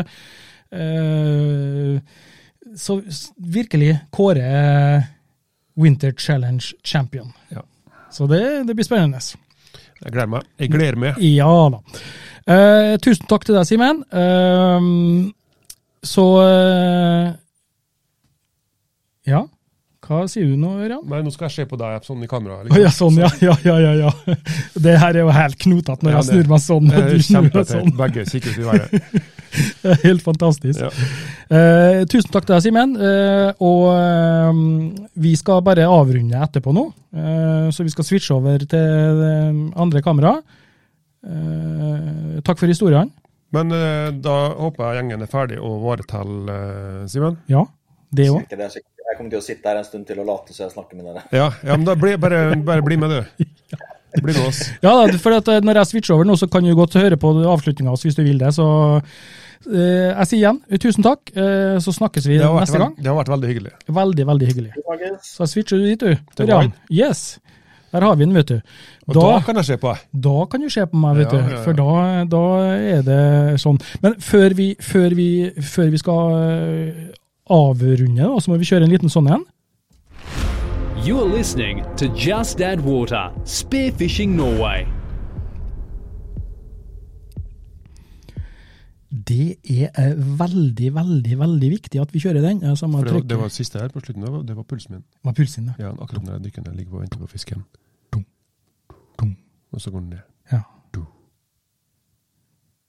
Du. Eh, nei, da var, det var, var, var kjempeartig å prate med Simen. Eh, han har mye, Han er mye energisk. energisk eh, person. Veld, veldig hyggelig. Og han har, han har mye på hjertet, Ja, han Mm. har eh, veldig mye på hjertet. og det er bra. Det er viktig. Ja, det er veldig viktig, faktisk. Eh, og så eh, litt sånn artig å få bli kjent med han på en sånn måte. Alle hans venner kjenner han jo, og har sikkert fått hørt mye av seg historiene her også. Ja. Så jeg tror det er Mye flashbacks blant folk her òg. Ja, helt klart. Det er sikkert. Men hva tenker du, da? De eh, spørsmålene som vi snakka med den her om, f.eks. altså Hvis du kunne velge, hvor hen i verden hvor har du ville jakta hen? Jeg skal vi sp Nei, nå bare spør jeg deg. Nei, altså det, det kommer litt an på hva jeg ville, hvilken opplevelse jeg ville hatt. Nei, men du, skal få, du får, får lov å okay. velge en, en plass, du. Altså, Altså. nå, så det, det jeg bruker å si, hvis jeg skal ha svare på det, um, Saltstraumen. Ja. Men hvis jeg skal, skal få ønske meg en plass som har dratt Ja. der jeg ikke har vært, Der du ikke har vært, ja. Ja. så er jeg litt sånn med, ska, med sånn skrekk, skrekkblanda fryd at jeg sier um, eh, Azorene, eller Jeg har aldri, jeg har aldri jakta sånn bluewater hunting. Blue hunting, ja. ja. Det har vært litt spennende. ja. Eh, ikke for å ha skutt noen store, troféfisker, men for å, for å ha den følelsen. Jeg hadde den følelsen sist når jeg var i, på, på Lagomera og dykka med grindhval. ja. Uh, det å dykke uh, også, også på en plass der det er 1000 meter dypt. Ja. Ja. Da var jo de, de stimene, eller flokkene med grindhval som gikk der, de gikk jo utom terskel, utom eh, hva heter det, kontinentalsokkel. tror jeg det Ja, ja, ja, ja. Eh, og det var 1000 meter dypt. Og det hopper hoppe uti fra båten, ut i vannet Alt er jo normal, men det er bare den tanken inni hodet ditt om at her er 1000 meter dypt. Kraken eh, på 1000 altså, meter dypt, og så ligger og venter og kikker opp med det ene øyet sitt. Og, Utom Afrika, sant? ja. Så her Ja. kan, det, her kan det jo være hai. Så litt sånn, eh, Vi så jo aldri haiene, Mm. men de var sikkert i nærheten. hvis, jeg, hvis jeg skulle ha valgt meg ut en plass Nå vet jeg ikke om, om det er noe bra plass, men jeg syns eh, det er spennende å tenke på muligheten til å dykke og utforske rundt eh, langt nord. Svalbard eller et eller annet sånt. som ja. Eh, er gjerne på, på vinterstid. Altså- Under isen. Ja, ikke under, altså ved og altså, rundt og ved og eller altså et eller annet sånt der, der. Ja. Uh, har jo sett bilder fra Island, eksempel, mellom seg to kontinentale Ja, på Silfra. Ja, der de dykker og tar Og bilder. det er jo sinnssykt. ja, der er jo sikta 1000 meter pluss, sant? uh, og, uh, men men det er ikke helt der jeg tenker. Jeg tenker litt sånn I sjøen, eller? Eller Arktis. Arktis. Ja, annet. Leopardsel. Dem tror jeg er litt farlig. Har du ikke sett denne filmen Eight Below med hundene som ble satt igjen der, og der var det jo en sånn eh, leopardsel som eh, var litt skummel? Nei. Nei, det må skje. Eight below. Ja, Eight Below. Ja. Og det er faktisk en sann historie.